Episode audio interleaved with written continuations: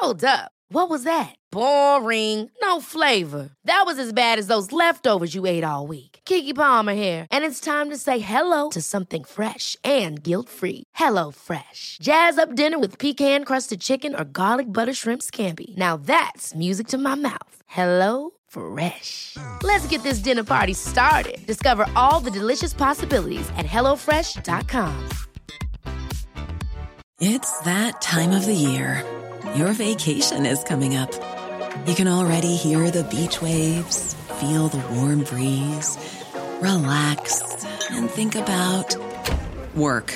You really, really want it all to work out while you're away. Monday.com gives you and the team that peace of mind. When all work is on one platform and everyone's in sync, things just flow wherever you are. Tap the banner to go to Monday.com. Many of us have those stubborn pounds that seem impossible to lose, no matter how good we eat or how hard we work out. My solution is PlushCare. PlushCare is a leading telehealth provider with doctors who are there for you day and night to partner with you in your weight loss journey. They can prescribe FDA-approved weight loss medications like Wagovi and Zepbound for those who qualify. Plus, they accept most insurance plans. To get started, visit plushcare.com slash weight loss. That's plushcare.com slash weight loss. Jag har, jag har några announcements innan, innan vi tar igång med de vanliga, den vanliga skiten. Ehm, det här är det 91 avsnittet av Haveristerna. Det är onsdagen den 14 oktober. Jag heter Axel. Sanna heter Ledarsuggan. Och Henrik heter Henrik. Det Jag, första jag vill säga... jag fnissar varenda gång du säger det. Alltså, jag jag, måste jag sluta fattar inte varför. Nej, men för det är jätteroligt. Det är det bästa Ja. namnet, jag är så stolt. Till att börja med så skulle jag säga att det är trevligt. Eh, trevligt med alla nya patrons. Men med nya patrons kommer också nya horungar. Och innan vi började spela in idag så har jag gått igenom en och en halv sida på Patreon. Med folk som eh, blev patrons, lyssnade på det avsnitt de ville ha och slutade vara patrons. Så kallade horungar. Nu har jag blockat alla dem. Och det här är sista jävla gången jag säger det här. Jag kommer aldrig i mitt liv ta bort en av de här blocksen. Jag har sagt det till Henrik förut, men han lyssnar inte eller begriper inte. Jag kommer inte att ta bort det där. Det, det spelar ingen roll. Ni kan skicka PM och säga åh nej, jag vet inte vad som är. Knulla dig själv. Ta en ny mailadress, gör ett nytt Patreon-konto, pledga igen och betala för det, din jävla horunge. Jag vill inte höra dina jävla svansånger. Ja, det var det jag hade att säga till det här avsnittet. Ja, okej. Mm. Bra sagt Axel.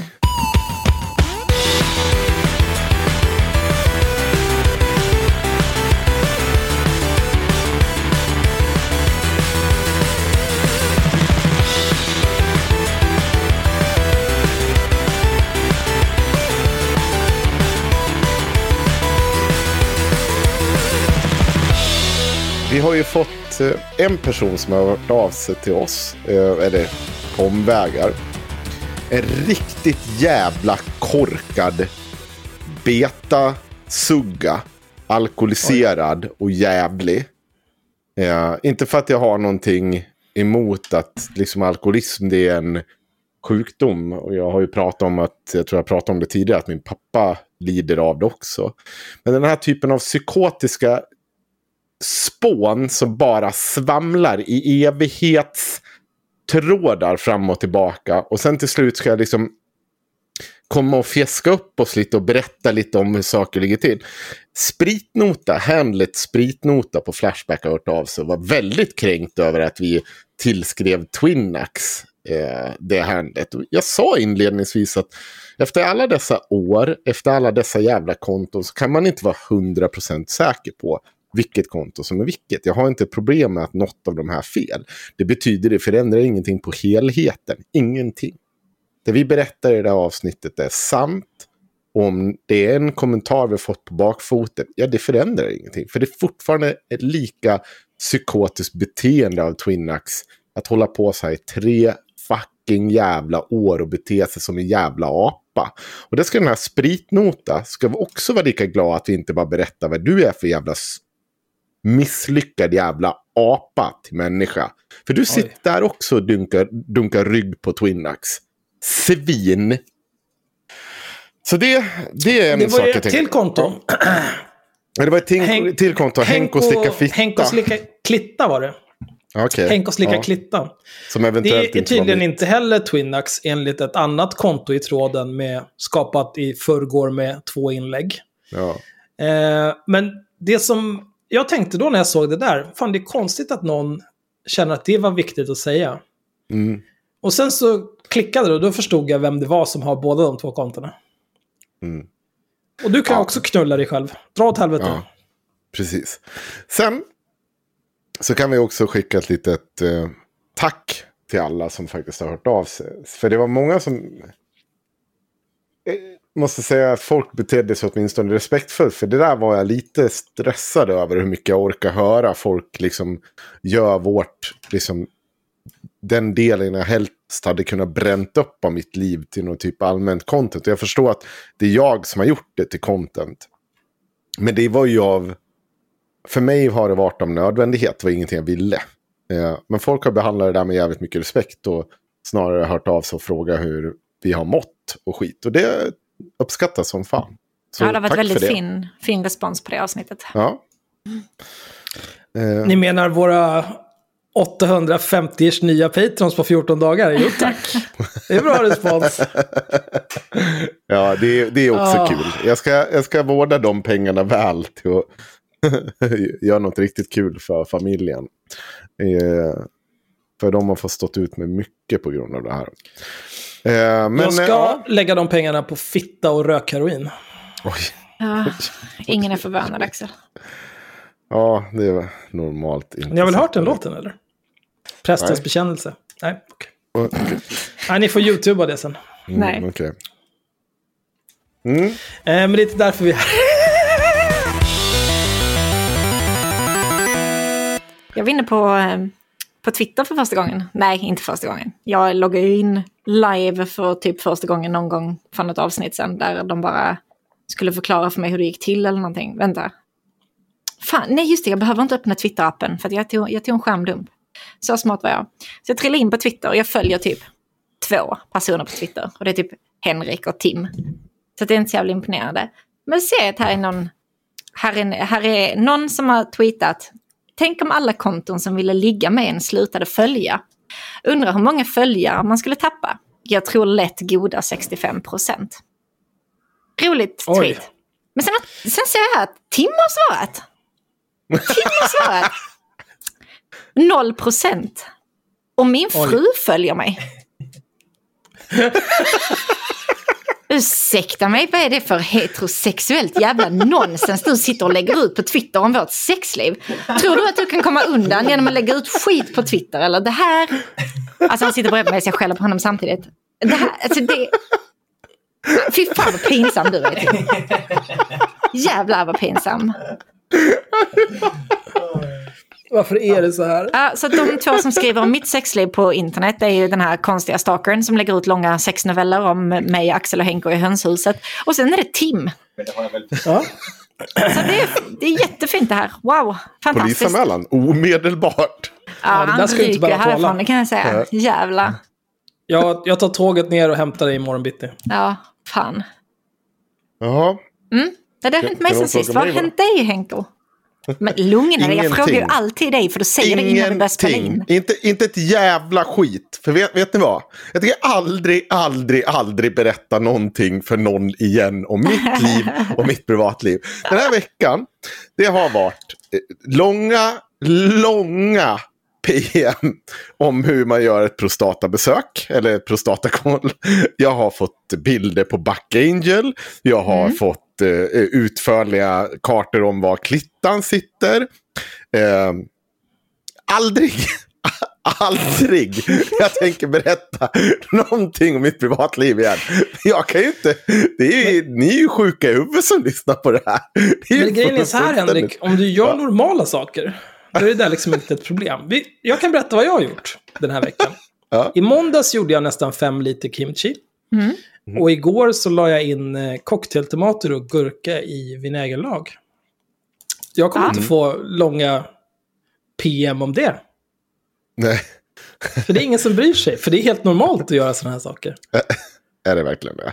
Eh, Det är, det är väl mer normalt än att, att vara kränkt över att man inte får någon som fistar den. För skattepengar dessutom. Ja. Jag, kan, jag, jag måste berätta någonting som hänt. Jag, jag kan inte hålla käften. Helt ärligt. Um, Vi vet ju detta. ja, jag vet, jag vet. Jag har till och med skrivit in det. Först så här, ingenting har hänt. Och sen står det, jo, det har faktiskt hänt ett par grejer. Jag, kan, jag har inte sagt någonting om hästjäveln på länge. För den vart ju skadad här i somras. Det kan jag säga att den är på bättringsväg. Den är i princip återställd. Och Toppen. lite stel. Ja, det är super nice. Kommer snart få en hästtransport hem hit också. Det, det ser jag fram emot att baxa upp här på gården. Men framför Jag får lära allt dig som... köra den också. Ja, Kan men du jag det? kan köra den. Ja, Okej. det kan jag. Men jag ska bara säga, eh, barnen har lärt sig ett par nya låtar. Eh, Soraya, sju år, hon har lärt sig Bamse knulla lille skuttebaken. Och Leila, Alltså jag älskar henne. Ah. och Leila, nio år, har lätt, lärt sig Wet Ass Pussy. Alltså, jag, jag, när Soraya kommer och sjunger och så ser jag så här skitnöjd ut. Jag har hört på TikTok så drar hon igång. Bamse knulla lill... Då hakar jag i och bara sjunger med. Helt så här. För det där sitter ju i ryggraden. Och sen Ja, inser jag vad jag står och sjunger framför min sjuåring. Nej, nej, men det här går inte. Det här kan jag inte göra. Vad är det som händer? Eh, Så det har ju varit en vecka av att förklara att det här får du absolut inte sjunga i skolan. För det, då kommer SOS på riktigt. Och Tur ta att du Alltså, berättar det för 20 000 människor nu istället. Då. att jag tar ansvar och säger att barn Ja. inte får sjunga Bamse knulla lilla skuttebaken. Det är klart du får göra det. Är fan yttrandefrihet. Skalman runkar fram och kokar honung. Så Okej, okej, kan förstå Henrik. det. Kittlar Nu, inte nu, svansen nu får du också köra vis? Wet Ass push, Pussy då. Kör på. Ja, nej, men, nej, men det var inte samma. Det, jag hörde ju hon I satt got och a wet nynnade. ass så det- p-word. Ja, ja, nej, hon, nej det, hon hade ju hört hela såklart. Ja, och så bara, fast hon fick inte till det där pussy, för det hade hon inte riktigt hört. Och då, då, så jag, jag hängde ju liksom inte med först där heller. Men alltså jag tänkte, fan vad sexualmoralist och, och man tycker att musik är... Alltså jag, hade det varit... Hade det varit idag, man hade bestämt de här explicit lyrics-grejerna, jag hade ju röstat för ja. 100% direkt. Men du är ju sexualmoralist. Du vill ju inte Mm. ens legalisera prostitution. Det är helt sjukt. Ja. Är det att vara sexualmoralist? Är det där gränsen går? ja. Ja, men wet ass pu- pussy är ju, jag vet inte varför jag hela tiden säger fel och säger pushy istället för pussy. Det är väl en sån här inbyggd eh, bleep-grej som jag gör. Men eh, wet ass pussy är ju i alla fall någon typ av så här female empowerment song liksom. Så att alltså jag kör på den. Fan, sjung på Ja, det är bara. inte bestiality. Alltså hellre det än att man sitter där som eh, och tror att det är fel att eh, kvinnor blir våta och så vidare. Det är ju fruktansvärt. Jo, men när man Du sitter är min i... doctor liksom- wife. Min Dr. Wife, ja precis.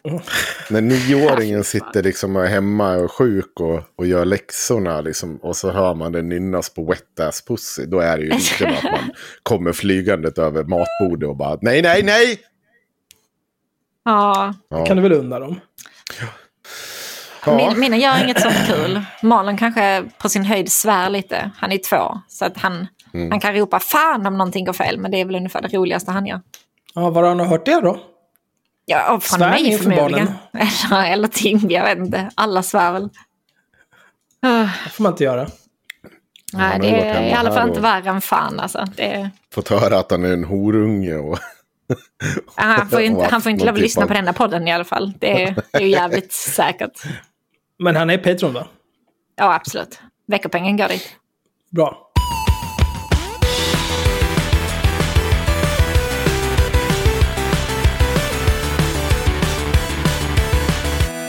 Just det, vi ska ju ha någon typ av stream den här månaden också. Jag Jaha, hade, ja. en, en, eh, jag hade en tanke om att vi inte bara ska spela spel, utan vi kan ha typ en timme eh, umgänge med pöbeln. Svara på Frågestund. olika frågor. Ja, någon typ av Mm. frågestund. AMA. Ledarsuggan. Mm, Kanske flyttar om inspelningen till på söndag och så kör vi stream på fredag kväll. Vad tror du om det? Eh, ja, det funkar ju. Absolut. Säger du om det Sanna? Kör på. Bra, då säger vi in det. det? Från klockan nio, fredagen På den fredag. 23 oktober. Mm. Kör vi någon typ av stream. Perfekt. Bra, då har vi löst det. Kul. Mm. Ska vi ta något, någon typ av ämne? Det tycker jag. Jag eh, har lyssnat på eh, en podd där Cissi Wallin var med. Mm. Ja, Eh, det var... Ja. Eh, det är gott snack med, vad fan heter han, Fredrik Söderholm? mm. Ja. Som för övrigt... eh, Kommer du ihåg vad jag sa till dig när, han, gjorde- när du gjorde den där posten i vår grupp? Nej, men verkligen. Nej. Eh, Fredrik Söderholm postade för ett par dagar sedan i vår grupp och frågade om saker han borde, eh, frågor han borde ställa till Sissi när hon Just var med i Gott Snack. Då skickade jag i, i vår grupp till Henrik, så skrev jag kasta ut den där fittan. för jag visste att det skulle bli så här. För att han Ja. gjorde exakt likadant förra gången hon var med. Och han gjorde exakt likadant när Rebecca Weidmo väl var med. Ja. Aldrig mer alltså. I alla fall. Cissi Wallin var med i Gott Snack. Eh, och det var garbage, som vi säger i branschen. Jag har skrivit en liten sammanfattning av det. Ehm, jag kan ta de roligaste grejerna här. Eh, dels så påstod hon att hon inte tar del av kritik för att hon bara struntar i den. Hon läser inte om eh, när folk skriver kritiskt om henne på internet eller säger elaka saker om henne. Så då bryr hon sig inte. Känns Vem det... är, det, vem är det som sitter och svarar alla de här kritikerna från hennes Instagram-konto då? Det känns som att hon borde byta inte. lösenord om, om det här skulle vara sant. Nej, det, och det är också en grej. Om man sitter då och tittar, och, eh, tittar vad folk likar och ska hålla på och skälla ut dem för det och svara på alla och beter sig. Hur kan man då säga att man inte kan hjälpa att andra har lite att göra och gör en storm av ingenting? Är det någonting man bör säga då? När man spenderar sina dagar med att tonpolisa folk på internet. Mm. Nej. I övrigt så var hon eh, väldigt nöjd över att hennes bok har sålt bra. Den har sålt 10 000 ex. Det är bra, tydligen. Ja, eh, som jag förstod det så var det, när de pratade, var det 3 000. Då blir det en andra upplaga nästan per automatik om det är en vanlig bok. Om det Ja. är thrillers, då, då krävs det mer eftersom thrillers säljer bapiljarder. Så det är kul att det har gått bra. Det unnar jag henne. Eh, sen passade hon på att snacka lite skit om Jockiboi och hans bok. För hon hade varit inne och tittat på Bokus och läst recensionerna där, precis som vi gjorde. Och det var så många recensioner och alla var glada och nöjda. Men Jockiboi, han hade bara två, tre recensioner. Det är ju ingenting. Förstår du att vara så småaktig att man behöver hålla på sådär? Det skulle jag aldrig göra. Det är till exempel, jag skulle aldrig göra en video med eh, hur många patrons Wallin och Drugge har, hur många patrons Gardet har, hur många patrons Marcus och Malcolm har, hur många patrons Aron Flam har och hur jävla många fler patrons vi har. Nej, du skulle Äta aldrig göra en skit. sån video och sen lägga upp den inte helt fucked up kroppad på Instagram. Det skulle du inte göra. Jo, men nu, visst, nu vet ju jag att de inte kan hantera videoformatet särskilt väl där. Så till nästa gång så kommer jag ha kollat upp vad det ska vara för uppläsning. Det är Inget problem. okej. Mm, mm. Eh, och sen så pratar hon om att eh, Jockiboi la upp hämndporr. Eh, det är lite konstigt för att så som jag minns det så är han bara en helt vanlig clown liksom. Han la upp någon eh, hemmaknullsfilm på YouTube. Och sen tog han bort den. För att han insåg att han hade lagt upp fel film. Jag tycker att det är lite magstarkt att prata om det som hämndporr. Så hade inte jag gjort. Alltså hämndporr också. Ja, de är ju fortfarande, vad är de, gifta? Ja, de är Andra gifta. barnet är, De om har ju inte på en eh, så har det kommit reality ut. show. Ja, Ja, visst. De lever life. Det, det där är ju liksom Sissi ett all som blev kränkta av någon annans vägnar för att de hatar Jockiboi av någon anledning. ja. Mm. Hon har en tendens att ta andra kvinnors historier och göra dem till sitt eget content. Ja, det ska du få höra mer om lite senare här. Åh nej, måste jag? Ja, visst. Sen pratade hon lite om att eh, hon har blivit stämd för förtal även i Norge. Eh, lite senare så pratade de om eh, sex. Och hon fick frågan om hon har haft lesbiskt sex och det hade hon. Och då pratade hon om att hon är en homosexuell man i sitt inre. Oj. Och då tänkte okej. jag omedelbart så här, varför kan du inte bara vara en heterosexuell kvinna? Va? Varför, varför måste du liksom hålla på på det här viset? Mm. Har du inte gjort transpersoner arga nog? och liksom, det är också, jag kan känna att om jag vore homosexuell skulle jag också känna så här, varför måste du vara en homosexuell man? Kan, du inte, kan inte jag få vara det så kan du vara en heterosexuell kvinna. Var- Varför ska du hålla på på det här viset? Till och med jag som heterosexuell man är ju kränkt. Det är helt sjukt. Sen för hon ett resonemang om att transkvinnor är inte kvinnor. För om de var det skulle man inte behöva prefixet trans. Ja, Har ni hört något dummare i hela era liv? bra sagt Sissi. Got him! Nu, nu kommer de här Så transaktivisterna aldrig undan. Alltså. Ja. Gud vad jag satte dit dem. Sen var Ja, det lite sa- mer snack om det där. Ja. Ja, hon sa ju också, och återkom ju till som hon alltid gör, uh, fan vad det är hon säger om transsexuella.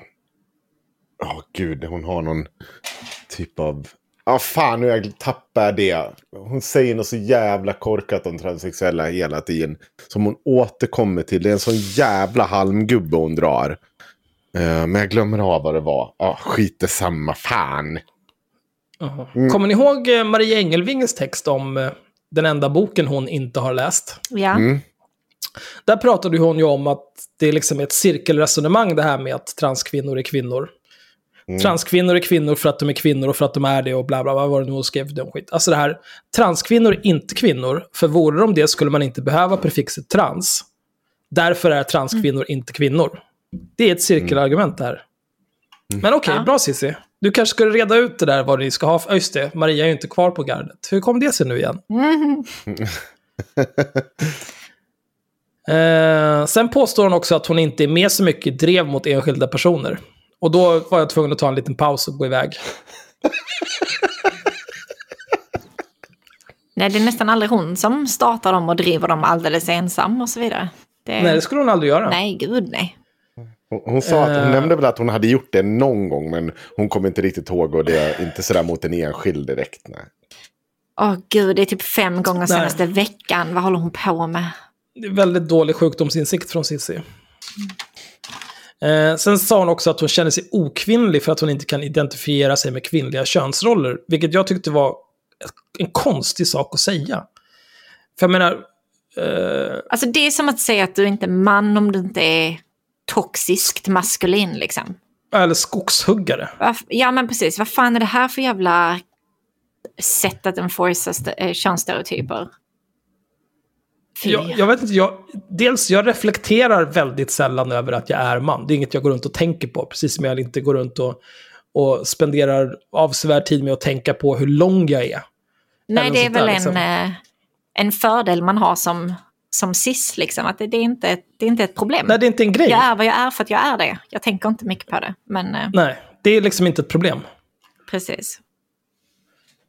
Men, men det är också så här, varför skulle man vilja identifiera sig efter könsroller? Om man nu som, som Cissi anser sig vara radikalfeminist. Det är också, jag fattar inte varför. Det, varför identifiera sig med något, eller efter något, använda någonting som en måttstock. Och så tycker man att den saken är jättedålig. Men detta är också någonting som hon använder mot transpersoner. Hon säger liksom att ja, men bara för att du inte passar in i de stereotypiska könsrollerna så betyder det inte att du är trans. För att hon tror ju att vara trans är att inte hålla med om könsroller. Och det är liksom... Ja, alltså, jag vet inte ens vad jag ska börja diskutera det här med henne. Det är ju så, det är så fruktansvärt dumt i huvudet att jag vet inte ens.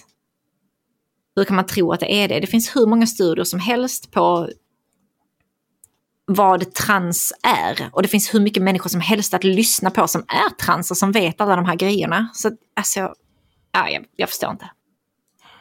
Nej, det är, det är obegripligt faktiskt. Eh, här ska vi nu få höra den närmaste Fredrik Söderholm och hans kollegor kom en kritisk fråga till Cissi Wallin efter att ha blivit serverade en bapiljard kritiska frågor i vår Facebookgrupp. Mm. Eh, det här är någon lek de har där de kör sant eller falskt. Okej. Och då frågade de Sissi, Du slukade febrigt 50 shades of Grey, men det erkänner du samma dag som du erkänner att vissa av gardets skribenter härjat runt på problematiska forum. Eh, Sissi mumlar lite fram och tillbaka. Eh, ger inget riktigt svar, alltså sant eller falskt. Mm. Och sen var det inte mer med det, ingen följdfråga eller någonting. Nej men bra. Otroligt. Fantastisk journalistik. Jävla Jag- jag mellanmjölksbajskorv alltså. Jag tänker så här. Eh, morgonshow, det, det är inte någonting som ska ha den stora anslaget. Alltså det ska inte vara haveristerna, det ska inte vara... Jag, jag har aldrig liksom... Det, vi kan inte sitta här och säga att ni måste göra på det här. Det ska vara lite småmysigt, det ska liksom inte vara för ståhejigt. Men, men det där, som den enda kritiska frågan till en person som varit i blåsväder för att ha varit transfobisk, haft en, eh, eh, uh, fixa fram en redaktör som liksom har suttit i hundratusen år på nas- Nej, det hade hon inte, men liksom, det har uppkommit att hon eh, driver massa jävla antisemitism på, uh, på nazistiska forum. Allt det som har hänt. Och det där är den enda kritiska frågan hon får. Det, det, det är svagt. Det är svagt Jo, för men att det, det är också så här, eftersom han ställde frågan i vår grupp, en grupp som i mångt och mycket handlar om den här podcasten där vi pratar om folk som har betett sig som svin. Ja. Och där det länkas många artiklar och annat om folk som har betett sig som svin och folk tycker det här är skit, någon borde sätta de här jävla människorna på plats. Varför då ställa frågan om de har några förslag på vad man ska prata med Cissi Wallin om, om man inte tänker använda det? För liksom, han måste ju vetat vad han skulle få för svar, för han har ju ställt samma slags fråga tidigare och inte gjort någonting av det då heller. Jag tycker det är så jävla svagt alltså. Men det är därför Mm, jag sa ju var, det. varför det Axel? Varför gjorde han det då? Varför han ställde Ställde frågan? frågan.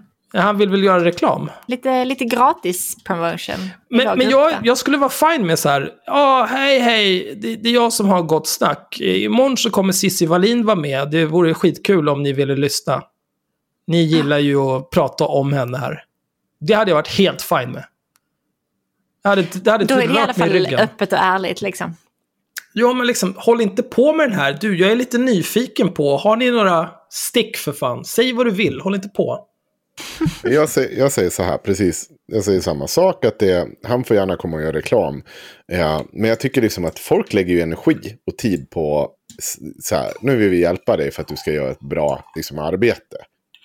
Då får man ju liksom respektera det. Att eh, det, det, det är liksom så här, annars blir det ju bara sitta, det äh, jag tycker det är nonchalant. Alltså det är väl, Ja, det är väl lite mer nu vill vi hjälpa dig för att vi vill sätta dit Sissi än nu vill vi hjälpa dig för att du ska göra ett bra arbete. Jo, men om han gör ett bra arbete så sätter han ju dit Ja, henne. Så absolut. alla, alla vinner. Absolut, men jag menar... Mm. Jo, men absolut. Eh, och sen, men, ja. Eh, jag personligen, om jag skulle åka och prata om haveristerna någonstans så hade jag velat haft lite mer kritiska frågor än sådär. För det är ju ganska kul att få, liksom, få tänka till kring vad man håller på med. Nej, det var bedrövligt. Det var, det var riktigt dåligt. Och det, det där är ingenting jag skulle betala för att lyssna på i förlängningen. Det är absolut inte. Då Men det, det beror ju också efter- på. Eh, han, det är precis som du var inne på med morgonradio. Så han har ju en publik som inte förväntar sig haveristerna. Eller Ja, men inte, liknande. fast, mm, ja, nej, men vill man inte ha lite mer? Om du ska sitta och intervjua någon, då vill jag inte bara se så här, tycker du också om tårta? Ja men gud, jag tycker också om tårta. Kolla Zero, det är din favoritdryck. Absolut, det tycker jag. Ja, gud, det är så bra. Och sen var det väl lite kul. Och sen var det väl hej och hå någonting. Ja, du hade gjort någonting där. Jaha, du vill inte prata om... Nej, men okej. Men då går då, den här, Har ni sett den här röda fina cykeln som står här utan? Det, vad är det för jävla intresse? Alltså det fanns ju inget intressant. Ja, du har sålt bra i boken. Ehm, vi fick ju inte veta någonting om Cissi. Vi fick ju inte veta någonting om... Det är inte så man... Även om man vill ha Jo, en sak fick man veta om. Jaha. Det är nästa punkt där. Okej. Eh, det sitter någon snubbe där och i, de har någon soffa där. Så sitter han Mm. där och tittar på Sissi. Och Sissi frågar, vad är det här för någon? Vad gör han?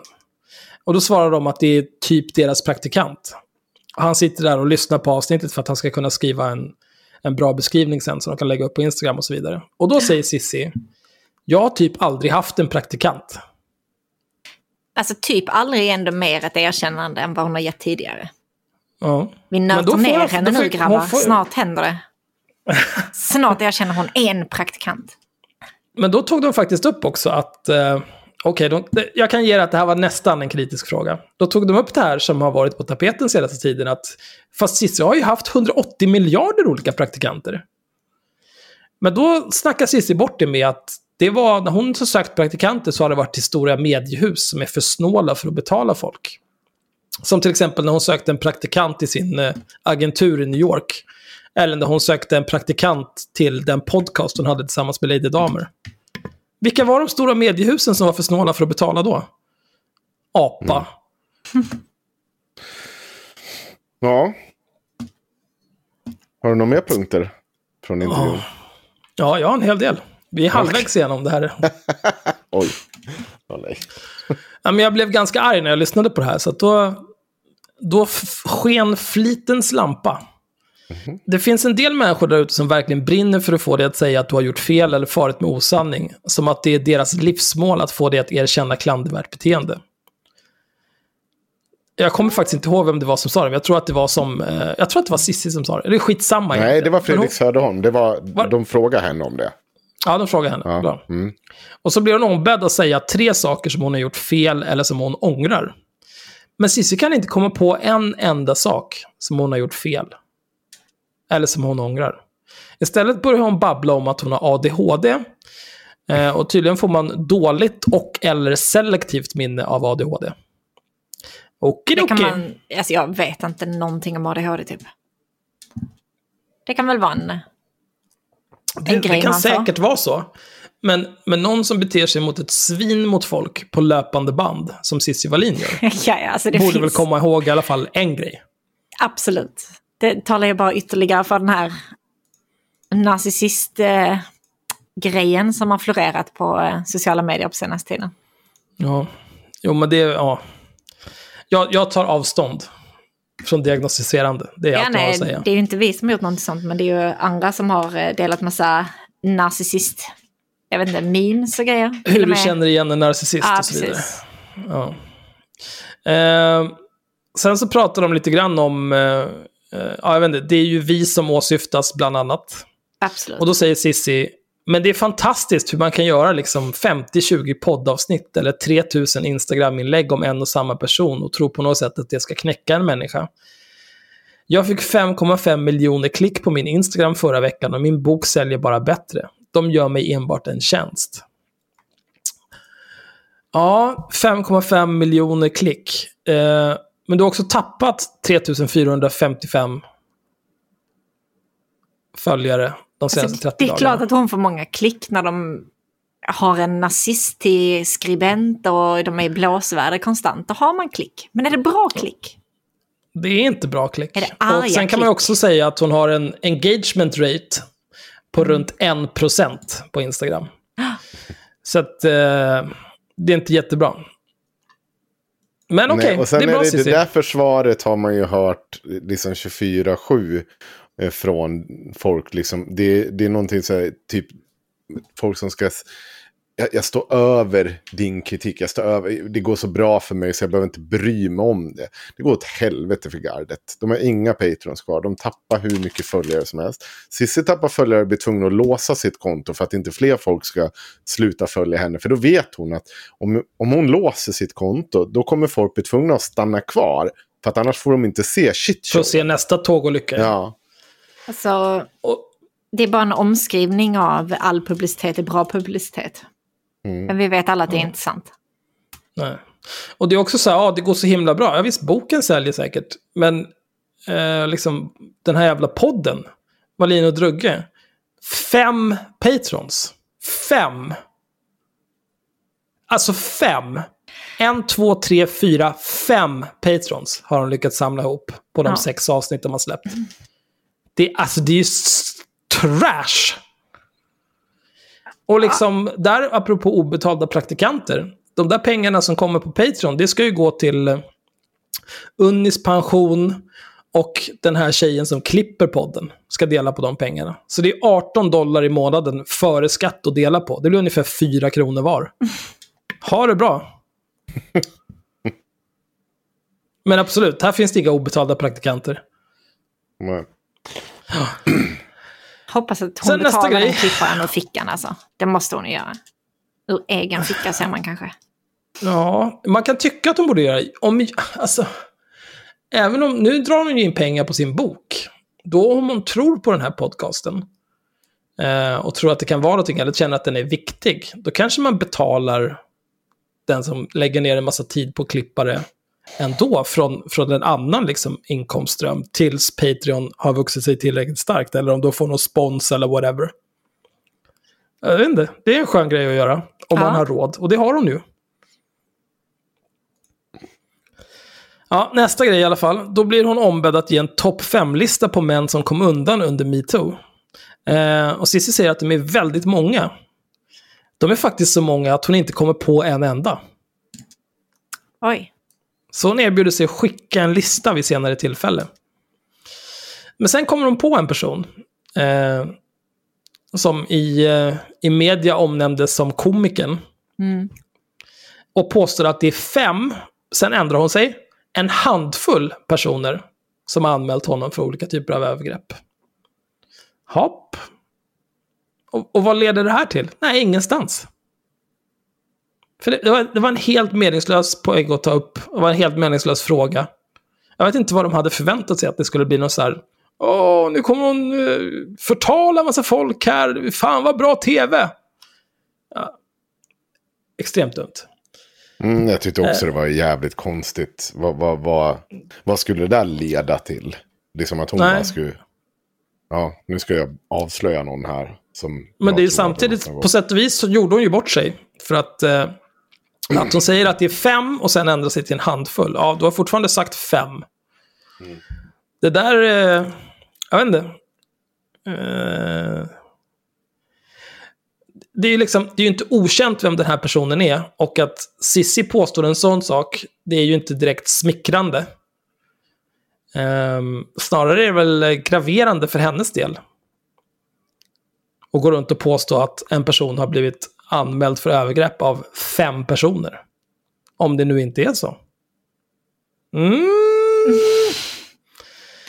Eh, och sen så säger hon också att eh, det går väl en del rykten om en viss väldigt känd manlig rappare som står väldigt mycket för antirasism och feminism och har glidit under radarn i många år.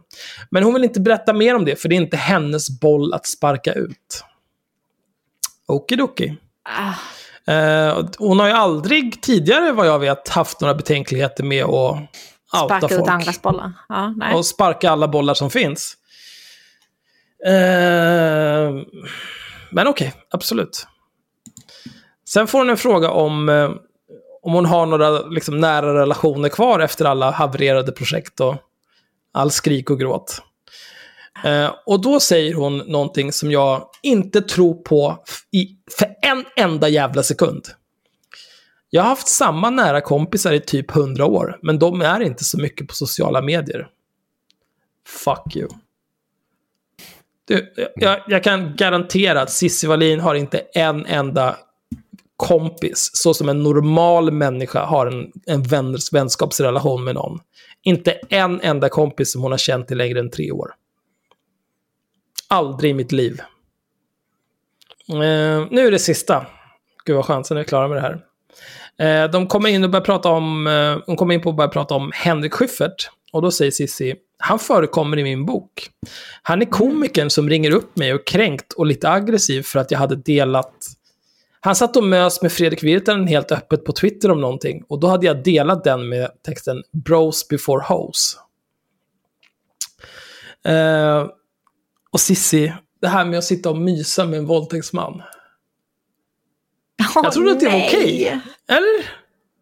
Inte hennes Glöm inte, våldtäktsman bara. att, glöm inte att bli patrons så att ni kan höra allt om hur Cissi Wallin har suttit och myst med en våldtäktsman. Ja, gud, jag får bilder i Ja. huvudet. Och med den... Eh, eh, jag- jag vill inte säga uppmaningen, jag vill säga direktiv. Med det Mm. direktivet är vi klara med veckans Cissi Wallin. Men jag tycker ändå att om Cissi Wallin har betett vi ska sig inte dig- hålla på med några veckans Cissi Wallin, för någonstans måste vi göra någonting annat än att bara... Nej, Det måste ju det finnas någonting relevant. Ja, men det Nej. måste finnas någonting relevant också. Ja, men var inte det här relevant eller?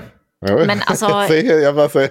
Nej, men då kan ju du komma tillbaka sen när jag tar upp någonting som inte är relevant och till dess så stänger du käften, din jävla kuk. Alltså Axel började ju någon sån här att han skulle rekommendera två YouTube-kanaler per avsnitt och det har ju inte hänt liksom. Så att jag tror vi kan vara lugna med veckans Wallin. Jag tror att den kommer. Stavade du förresten veckans Wallin med W på båda ställena? Eh, nej, det gjorde jag inte. Det borde jag ha gjort. Ja. Men eh, mejla till haveristerna.protonmail.com och berätta allt om hur Cissi Wallin har betett sig som ett svin mot dig. Och bli patrons. Okej, bra. Nu får någon annan ta över här, för nu, nu känner jag att jag har gjort mitt för idag. När får man säga inbördeskrig? Nej, Sverige befinner sig inte i ett inbördes, inbördeskrig eller Syrien och Irak. Jag vet. Men ett inbördeskrig likväl. Titta på några av det senaste dygnets eh, rubriker. Fruktansvärt kraftig bilbomb i Västsjö... Nej, vad heter det? Västgö- Västgötska. Västgötska. Ja, men jag kan inte säga att det där i mitten, jag fattar inte hur ni... Här nere i Skåne uttalar vi bokstäverna, jag vet inte vad jag ska säga. I Mullsjö. Västgötska. Ja, i Mullsjö. Fram till nu mest känt för eh, att tonårsidolen Shakin Fredrik kommer därifrån. Explosion i Göteborg. Ung flicka splitterskadad. En av bomberna detonerade inte så skadorna kunde ha blivit avsevärt större. Fyra poliser skadade i krock vid utryckning. Kidnappning i Ronneby. Dubbla våldtäktsförsök utomhus i Täby. Ung kvinna brutalt misshandlad utomhus i centrala Luleå. Man skottskadad i Bandhagen, etc. etc. etc. Mm. Och sen en massa länkar pausar. till de Vi här ska olika pausa artiklarna. Han har, ja, han har länkat. Den första då, explosion i bil i Mullsjö. Det var en Mm. sån där banger visade sig. att Det var inte någon typ av... Vi, Det var ingen bilbomb. nej, Det var det inte. Och man såg heller inget... Eh, man trodde heller inte från polisens håll att det fanns något relaterat kring någon tydligare... Ja, men det fanns tydligen någon typ av brottsling där. Och det var inte någonting man trodde hörde ihop. Så man får väl gissa kanske någon typ av någon som försöker jävlas med någon. Eller något. Jag, jag har ingen aning. Eller ska inte- inbördeskrig. Eller inbördeskrig, det går ju det också. Eh, vi ska inte låsa oss där, men vi ska titta lite på de andra. Eh, den ena är en ung kvinna misshandlad i Luleå. Vittne, eh, vittnen hjälpte polis för gripande. Det var alltså att eh, mitt i natten eh, en lördag så har en kvinna blivit misshandlad i centrala delarna av Luleå. Fruktansvärt, såklart. Alltid när någon blir misshandlad, inte bara en kvinna. Men jag minns, det, det är väl samma gamla jävla fyllebeteende som vi liksom haft i alla tider i det här jävla landet. Alltså att det här skulle vara något nytt under solen. Eh, Tillåt mig att fucking jävla tvivla. Eh, nästa rubrik. Eh, omsorgspersonal riskerar avsked efter allvarligt missförhållande. Misshandel, det, det känns ju väldigt banalt. Ja, det känns inte som ett inbördes, starten på ett inbördeskrig. Och att det har någonting relaterat till... Men vi, vi kommer dit Axel, vi, vi, ska, vi ska ta det. Nästa Ah. grej, det är en länk till omsorgspersonal riskerar avsked. Allvarliga missförhållanden på boende. Så pratar de om olika typer av mi- missförhållanden på ett boende som har blivit lex anmält. Och det är inte Det låter också ganska förstår. banalt. Inte heller... Ja, okej. Sen har vi våldtäktsförsök mot två kvinnor i Täby vid olika tillfällen. Eh, man ser likheter och olikheter mellan händelserna, säger polisen. Man kan inte dra slutsatsen att det är samma person. Ja, det sker våldtäkter i Sverige, det vet vi om. Det är mer spektakulärt än liksom, aha, Ja. missförhållanden på ett vårdhem. Ja, ja, okej. Ja, jo, så är det. Eh, och sen har vi misstänkt ofredande mot barn på Mjölkudden vid flera tillfällen. Eh, ska ha jagat dem på cykel. Och då pratar man om, det här är tillbaka i Luleå, då är det någon som typ och står och flåsar vid fotbollsplan, någon gubbe. Eh, och som ska ha följt efter barnen hem därifrån.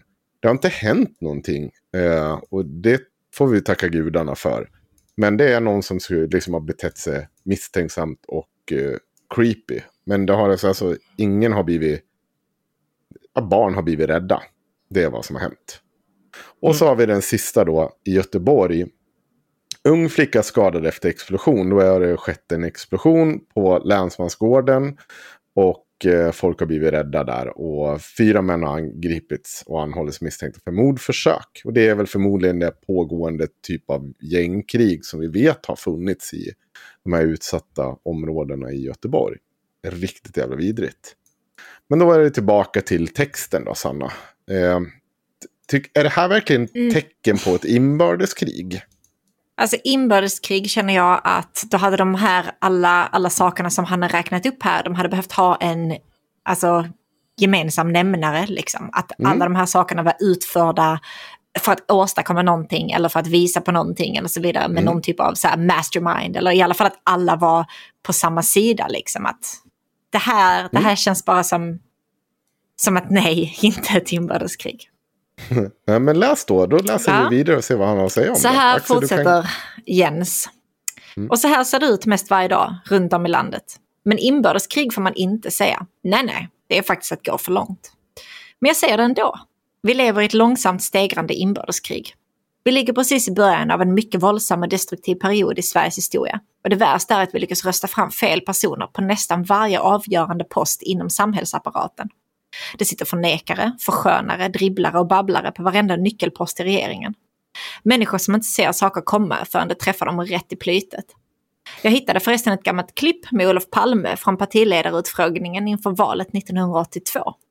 Palme varnade redan då för den internationella organiserade brottsligheten hade kommit till Sverige.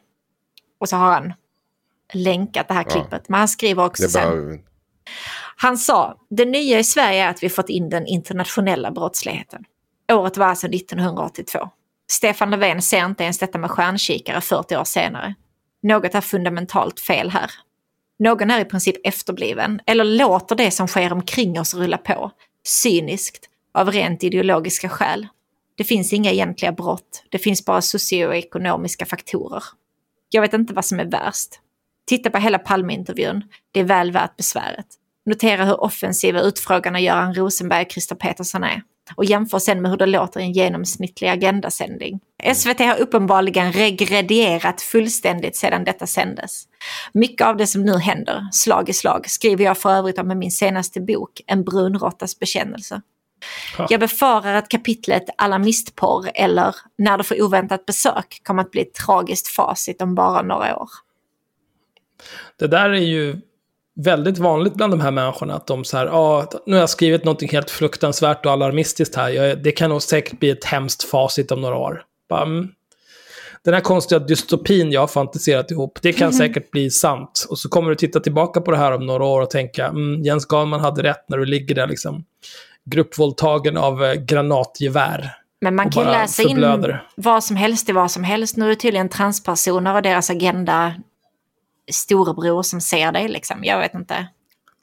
Ja, men han har ju också gjort en bild till det här. Sitt Mm. vanliga tårtdiagram som är så fruktansvärt kul. Och då står det så här. Så vill regeringen besegra den ökade kriminaliteten. Jens Garnman förklarar. Då är det rosa en liten pajbit här. Skapa färre utanförskapsområden. Röd. Minska klyftorna i samhället. Och sen kommer lila, stå upp för feminism. Och sen en jättestor grön. Bjuda hit fler lågutbildade, arbetslösa, bostadslösa, rastlösa, stökiga, patriarkala, skolade unga män som inte talar svenska och vars kulturer ligger helt i andra änden av jämlikhetsspektrat. Och då så är det eh, Stefan Löfven som är en ful bild i mitten. Och då säger han, det här är faktiskt, det där är faktiskt rasism, säger han. Det här är ju Ja. riktigt dumt. Jag ska, jag ska också säga att det men, är... men vad har liksom eh, de här eh, patriarkalt skolade unga männen, vad har de med att göra med missförhållanden på ett, ett vårdhem? Ja. Eller om det här hade någonting att göra med den misshandlade kvinnan i Luleå. Det kanske mycket väl... Jag har ingen aning. Ja, det, och det samma finns sak de här två som- försöken till våldtäkt. Visst, det kan vara det. Ja, Den här jävla pedofilblottaren, ja det kan vara det. Ja. Nu har han ju visserligen Någon har kastat en smällare på en bil, ja det, det Ja. kan vara det. Men det känns bara som de här Sverigedemokraten-hängarna som skriker att det är invandrarnas fel så fort någonting pågår liksom. Jo, ja, det, det... låter mer som att Jens Garman är en jävla rassefitta. Ja, ja, det är ju det. Och det, Ja. det var precis det jag skulle komma till. Han är en fucking jävla rasist. Och jag ska förklara varför. För att om du använder den här typen av stort överhängande hot. Vad ett inbördeskrig är och vad faktiskt det betyder. Det betyder att vi har olika grupperingar i Sverige som slåss med varandra om makten, alltså statsmakten. Inte över att du har ett gäng i Bergsjön slåss mot ett gäng i Länsmangården. Det är inte bra, men det är inte ett inbördeskrig. Sen finns det, eh, när man börjar kasta bomber på varandra, det är klart att det är för jävligt. Men det är fortfarande inte ett fucking jävla inbördeskrig. Det är ett utfall av grov kriminalitet som statsmakten måste slå ner på. De slåss inte mot makten, alltså i form av att de ska ha ta över staten. Det är inte så det funkar. Och när du sätter dig ner då och drar den här röda tråden, som ni vet den här jävla giffen när han som står och viftar med mellan bilderna. Och så säger du i slutändan när punchlinen, jo men det är ju, här är ju problemet med att, eh, problemet är de här lågutbildade, eh, arbetslösa rastlösa, stökiga, patriarkala, skolade unga männen som kommer hit och inte kan svenska och är äckel. Ja, det, det är alla de här, det, det är allt det här. Det, det är ju rasism. Vad, vad fan skulle du annars säga att det är när du drar den typen av penseln över alla personer som kommer och inte bara kan det svenska språket eller eh, liksom, ja, som kommer som invandrare. För det är allt ifrån att du kommer från Somalia, från Syrien, från eh, säkert Nordafrika någonstans, från gud vet vad, till något eh, av de här u-länderna i Asien som är mindre de demokratier. Det är alla de här människorna du pekar på och så säger de det är ni som är problemet. Och sen säger han ju samtidigt också att det, det här är så klassisk jävla, riktig jävla haverist. Han har, han har ju bättre vetande än alla andra. För att det sitter ju fel person på varenda jävla post. Men han vill ju liksom inte gå och säga vem det är som ska sitta där. Vem är det du hade tänkt Nej. skulle sitta där istället? Och vad är de här människorna ska göra för någonting? Ja, det, repatriering som du menar på ska ske nu då? Ska vi kasta ut alla personer ur, ur de här utanförskapsområdena? Hur ska vi hantera att det har stått någon och flåsat vid ett staket i Luleå? Hur ska vi hantera den här misshandeln i Luleå som var? Hur ska vi hantera det här missförhållandet på äldreboende? Är, är det samma lösning på alla de här problemen? Du är en jävla pajas Jens Garnman. Du är en riktig jävla pajas. Och en rasistisk pajas dessutom. Och hur fan den där människan kunde bli liksom årets svensk. Det, det var ju bara hit vi skulle komma. Det skulle bara vara, det, skulle bara, det tog lite en omväg från att, säg bara som det är, du är samma jävla gamla SD som de har sett och skrikit sedan 85. Det kommer vara en neger som president och det kommer vara inbördeskrig i det här landet. Så säger de det varje år och så fort de kommer ett problem så säger de att ja men, det, ja, men titta vi hade ju rätt.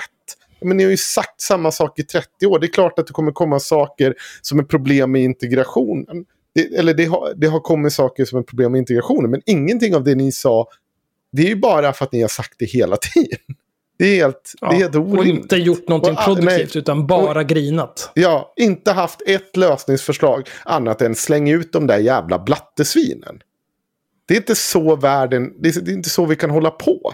Utan det måste ju lösa någonting. Och jag har inget problem att säga att jag kan tycka att eh, även liksom, att, att den här regeringen, den förra regeringen och förmodligen den kommande regeringen, eh, de är för flata i sina eh, i sitt agerande eh, på många sätt och vis.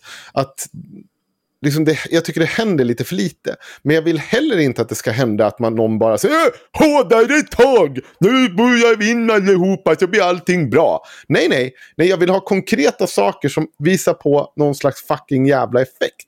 Inte den här jävla Hanif Bali politiken som egentligen vid varje enskild sak handlar om att bura in någon på längre fängelsestraff så ska allt lösa sig. Längre fängelsestraff, ingen hemskolsundervisning, ingen integration, ingenting av det här. Alla ska ta tag i allting själva så ska allting bli bra. Är ni förståndshandikappade? När har det någonsin funkat i något jävla land någonstans, någonstans? Jävla u-land till USA där man liksom byggt en amerikansk dröm på att vi ska klara oss själva, vi ska ta någon hjälp från staten. Tänderna ramlar ur käften på dem, cancer ramlar ur röven på dem. De har inte råd att ta hand om sina jävla... Människor dör i parti och minuter. Ett jävla u-land är vad det är. Se till att hitta saker som löser. Och det behöver inte vara mjäk i form av, alltså, när det kommer till de här grejerna. Att, nej, men det ska bara vara eh, olika typer av, eh, vad säger man, vad heter de? Ni vet, efter skolan där ungarna hänger. Fritids. Fritids. Alltså, det, det, det, går, det måste finnas både rimliga begränsningar för människor som ger sig, alltså gör samhället otryggt för andra människor. Absolut, jag håller med om det. Men det kan inte bara ha det på det här. Det måste vara någonting bättre än så här. Vi måste, vi måste finnas bättre och gemensamma lösningar. Vi måste se till att alla de som, människorna som har ett potential för att de bor i ett jävla utanförskapsområde, att de ska ha möjligheten att ta sig ur det där utan att hamna i kriminalitet. Men det vill ju ingen av de här jävla aporna som sitter och skriker om hårdare tag lyssna till. De vill inte göra någonting av det. De vill inte se någonting längre än att om jag kan kasta den här, de här idioterna i fängelse, då kommer allting lösa sig. Det kommer inte göra. Det kommer inte göra ett skit. Det kommer, inte göra, det kommer bara lösa problemet precis just där och då. Men sen finns det hundra stycken bakom dem som är villiga att ta deras plats.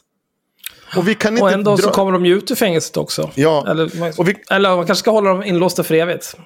Det ja, det de precis. Och det har ju också varit en, ett vinnande koncept i det där jävla u-landet USA. Att bara bura in halva jävla befolkningen och tro att det skulle bli bättre. De kommer ju bara ut som större jävla missfoster. Och gärna privatisera fängelsevården. Ja. Så det var väl ett förslag om det. Var det inte KD som tyckte det? Man skulle outsourca det till andra länder. Det är jättebra. Vilka otroliga incitament privata aktörer har att mm. se till att eh, fångar rehabiliteras och återgår till samhället istället för att de kommer tillbaka efter några månader. Alltså, man kan fa fortsätta fakturera för att de är där. Jättebra. Ah. Mm. Men jag tycker, alltså Jens Gahman skämmer ut sig. Med, framförallt med de här exemplen han tar. Ah. Just för att det är liksom sex helt skilda grejer som har hänt. Det finns ingen gemensam nämnare i nuläget i alla fall. Det, det, kan ju mycket väl vara så att det är någon typ av eh, eh, jag vet inte, somalisk islamistgrupp som ligger bakom alla de här sex händelserna. Eh, inklusive vanskötseln på det här vårdhemmet. Men, ja. men, det känns ju extremt osannolikt. Men att han då ska gå ut och berätta om, ja, läs min bok. Jag gillar också att han har döpt den till en brunråttas bekännelser och att han har ett kapitel i den som heter Alarmistporr eller när du får oväntat besök. För att det är ju det är verkligen shit tier förekomma kritiken. För han vet ju att han kommer bli kallad rasist när han skriver en sån här bok. Och han vet ju att det där jävla... Jag har inte läst det här kapitlet alarmistporr när du får väntat besök. Men jag vet ju att det kommer vara fullt av alarmism. Eftersom det är det han har garderat sig mot i titeln. Mm. Du, du är dålig Jens Skalman. Dålig som fan. Jag, jag, kommer inte ihåg vad jag satt och rantade om här. Jag vet bara att jag är inte en rättspolitisk talesperson. Det är inte mitt expertisområde. Det enda jag vet är att hårdare straff, hårdare tag generellt bara. Det är inte vägen framåt. Det funkar inte. Och tillsammans funkar inte landet Sveriges tanke om att vi ska ha rehabilitering bara. Det finns faktiskt forskning som pekar på att det inte funkar heller. Jag tror att man måste hitta balans och mellanvägar. Man måste kunna våga. Jag, jag är ju en skarp kritiker till att om du har åkt in och ut flera gånger, då ska liksom inte den här två tredjedels perioden. Det, vi har faktiskt en, en, vi hade egentligen en plan för våra straff i Sverige man behöver inte, jag tycker att man kan ta bort den där jävla två tredjedelars principen om du är återfallsförbrytare. Ja men låt dem sitta lite längre då. Det kan jag vara villig att vara med och betala. Men det betyder inte att jag vill sitta, att de ska sitta och bli institutionaliserade i all evighet. Jag vill att de fortfarande att vid varje enskilt tillfälle så måste vi fortsätta, fortsätta och försöka rehabilitera dem. You should celebrate yourself every day. But some days you should celebrate with jewelry. Whether you want to commemorate an unforgettable moment or just bring some added sparkle to your collection, Blue Nile can offer you expert guidance and a wide assortment of jewelry of the highest quality at the best price. Go to BlueNile.com today and experience the ease and convenience of shopping Blue Nile, the original online jeweler since 1999. That's BlueNile.com. BlueNile.com. Ever catch yourself eating the same flavorless dinner three days in a row? Dreaming of something better? Well, HelloFresh is your guilt-free dream come true, baby. It's me, Gigi Palmer. Let's wake up those taste buds with hot, juicy pecan-crusted chicken or garlic butter shrimp scampi. Mm. Hello Fresh. Stop dreaming of all the delicious possibilities and dig in at HelloFresh.com. Let's get this dinner party started.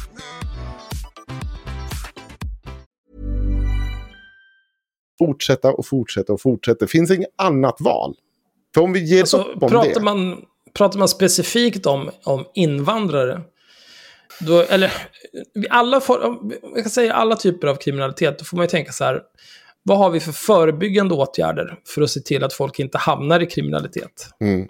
Det finns ju en typ tio år gammal eh, text på Advokatsamfundet där de tittar på eh, en rapport från Brå om överrisker för att eh, misstänkas för brott. Och det är liksom om, eh, om du inte har gått ut gymnasiet, om du är uppvuxen i ett hem som har erhållit försörjningsstöd och så vidare. Allt det här är mycket större överrisker än att vara invandrare, barn till invandrare och så vidare. Och sen visst, jag vet att det är populärt bland högern att försöka liksom leka som att socioekonomiska faktorer inte spelar någon roll. Och Även rensat för socioekonomiska faktorer så är det fitt Hanif Bali håller på med det där hela tiden. Men det är så. Det, är liksom, det, det går inte att snacka bort. Hur kan man då göra för att förebygga så att de som löper störst risk att hamna i kriminalitet inte gör det? Och sen om någon hamnar i kriminalitet, hur ska vi få bukt med den kriminaliteten och se till så att den kriminaliteten upphör? Och när vi har gjort det, hur ska vi få bukt med de kriminella för att se till att de inte återfaller i kriminalitet efter att de har blivit straffade? Det är, det är tre saker jag omedelbart kan komma på som behöver göras. Det finns säkert mer. Jag är ju inte kriminolog eller någon expert på det här överhuvudtaget. Men att bara eh, sitta och så här, "Urr, dubbla alla straff, lås in dem, kasta nyckeln. urr." Det är ju vägen tillbaka till liksom någon, någon typ av feodalsamhälle. Med skillnaden att istället för att du har någon jävla overlord som sitter och äger allting så har du SD som har bestämt att om du ska köpa sin konst i offentlig regi då får det bara vara patriotiska motiv av Karl XII. Allt annat är verboten. Det är liksom den här jävla fascismen, sluta bara. Försök, kan vi bygga ett normalt fungerande samhälle, en riktig västerländsk demokrati? Där det finns möjligheter för alla och där man försöker liksom skapa ett bättre samhälle dag för dag istället för den här enkla lösningarna för enkla människor som inte begriper någonting om hur komplext ett samhälle är. Alltså Ja. det, är, det är väl lite grann det som är... De som, de som röstar SD är väl mycket så här att ah, men sossarna eller moderaterna eller vem fan de andra nu är, sjuklövern. De gör ingenting liksom. Men de förstår ju inte alltså vilka steg det måste göras i, eller varför man gör någonting på ett visst sätt, eller varför man kanske inte bara kör världens radikalaste lagändring och nu kör vi på detta, utan att man kanske eh, testar lite först eller smyger sig fram eller gör en utredning och så vidare.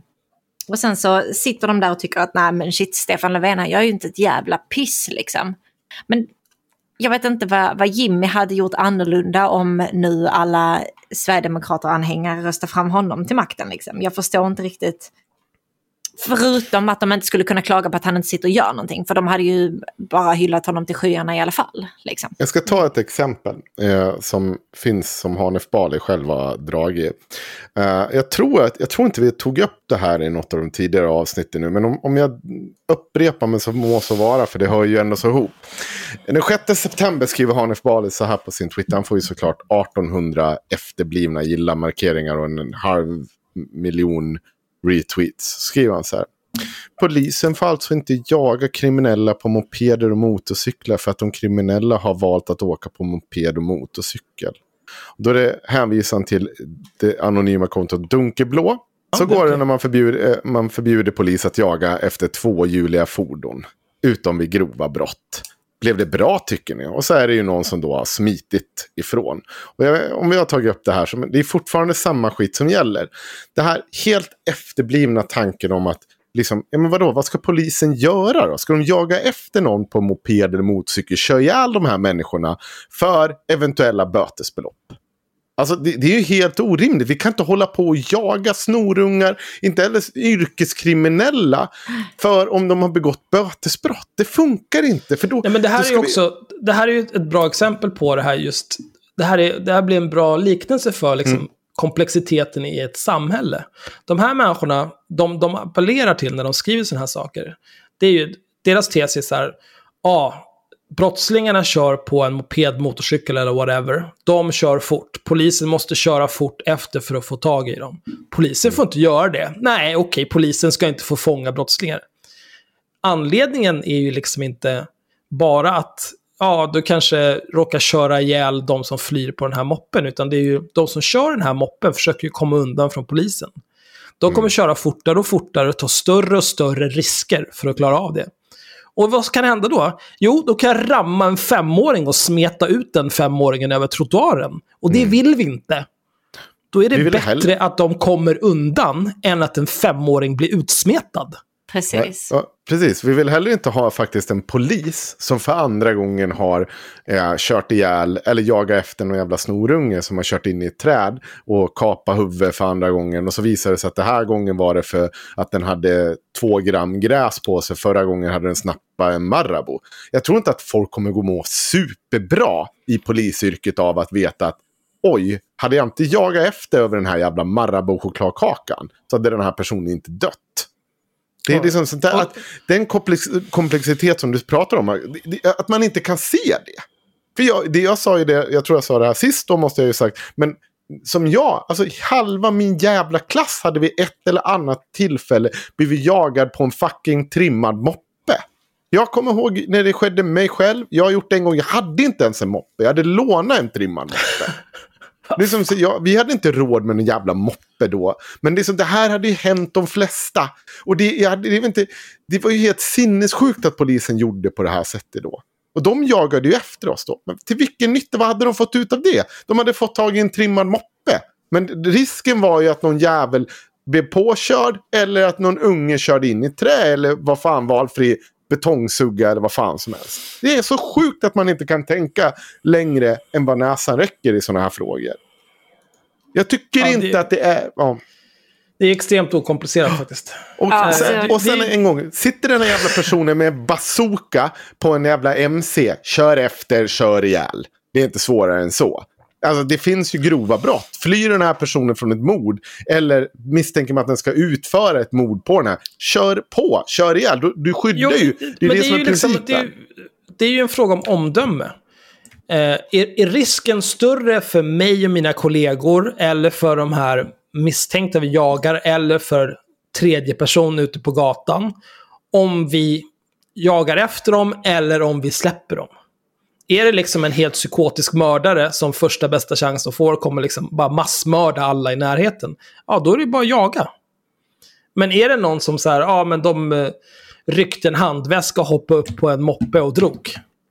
Då kanske det inte behöver ha liksom eh, risken att eh, polisen, som säkert är jätteduktiga på att köra bil, men eh, det kan ju också vara så att de voltar med bilen och smäller in i en förskoleklass för att de kör för fort eller tar en kurva fel. Kanske inte behöver ha det så. Det kanske inte är värt det för den där jävla handväskan. Det kanske bara är att spärra alla kort, ta med sig sitt pass och gå och hämta ett nytt lägg och beställa nya kort. Så var det inte mer med det. Och få, få ersättning på försäkringen liksom. Sluta. Mm. Så kan det vara. Ja, alltså det handlar ju om vilket pris man måste betala för, för det här. Liksom. Och risken att skada någon annan för att jaga någon jävla moppe någonstans, det är ju i princip aldrig värt det. Jag, jag, ska, jag skulle inte ta gift på det här, men jag är ganska säker på att jag läste någonting någon gång, det kan ha varit många, många år sedan, någon eh, artikel om att eh, de stater som har dödsstraff i USA, då blir det liksom, det når en brytpunkt när den som har begått brott vet att nu blir det dödsstraff för det jag redan har gjort. Då slutar bara liksom allting spela roll. Ja, precis. Ja, det enda som spelar roll för den personen det är bara att komma undan. Och om de måste liksom skjuta åtta pers som står i vägen, då blir det så. Alltså, jag är i och för sig inte helt, helt anti-dödsstraff. Jag är positiv till dödsstraff. Alltså, jag tycker att eh, så länge man är jävligt här, Breivik till exempel. Breivik, Skjut den jäveln, alltså på riktigt. Varför Men- får han sitta men, där? Jag blir så trött på dödsstraff- att ta livet av honom. Det, det förstår inte jag. Men typ i sådana Alltså jag, fall. det är ju ett bättre straff för honom att sitta där och grina över att han bara har en Playstation 2 och inte får spela våldsamma spel och så här. Han skriver sitt nya manifest och all den här skit. Det är ett superbra straff för honom. Ja, Men jag tycker att eh, sådana som Breivik kan vi avliva för att det kostar för mycket. Varför ska vi hålla på och lägga en massa resurser på honom? Det är, det är liksom flera miljoner per år. För att men- han är så jävla special. Alltså jag håller ju med om att jag vill att han ska lida så mycket han, som bara är möjligt liksom. Men är det värt pengarna? Är det värt alla efterlevande av de här han sköt ihjäl och så vidare för att han ska sitta där och de ska veta att han lever liksom? Någonstans så går den här gränsen för mig att nej, han får fan bara dö. Breivik, långt över gränsen. Hota den. Ja. Men Det är Ja. för mycket. ja, precis. Ja, alltså det är ju en annan aspekt. Ja. Alltså det är när- när han... Så fort han, han eh, grinar om någonting och ska överklaga någonting och klaga på hur han behandlas i fängelse, då blir det ju rubriker i alla tidningar. Så man Absolut. bara sitta och läsa det, den där skiten. Han som gick runt och avrättade barn liksom. Horunge. Ja. Bara gräv ner honom. Ja, jag är ju inte för st- dödsstraff, jag vill bara ha det för Nej, min det att du en protokoll. Jag jävla orkar inte argumentera om det heller. Men det kan vi ta en annan dag. Ska vi gå vidare? Ja, Känner ni er absolut. nöjda? Ja, jag är helt utmattad.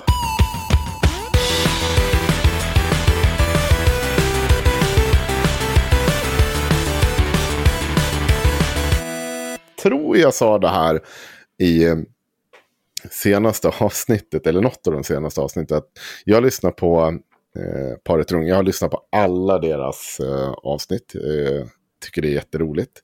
Och jag lyssnar av tre skäl.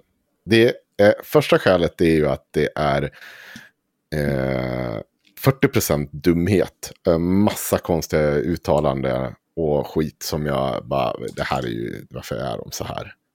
20%, 20% är ungefär saker som jag tycker är rimliga. Till exempel att kvinnliga fotbollsspelare får för lite betalt och att man borde sätta hårdare press på Svenska fotbollsförbundet. Det är helt sjukt att det får vara så, i alla fall i landslagströjor. Jag tycker att kvinnor och män i landslaget ska känna exakt likadant. Det finns ingen anledning att det känner olika. Sen att det är olika klubbmatcher, det är lite svårare att faktiskt komma åt. Lite svårt att hävda att en kvinna ska ha ja, en miljon per match när de får in 500 000.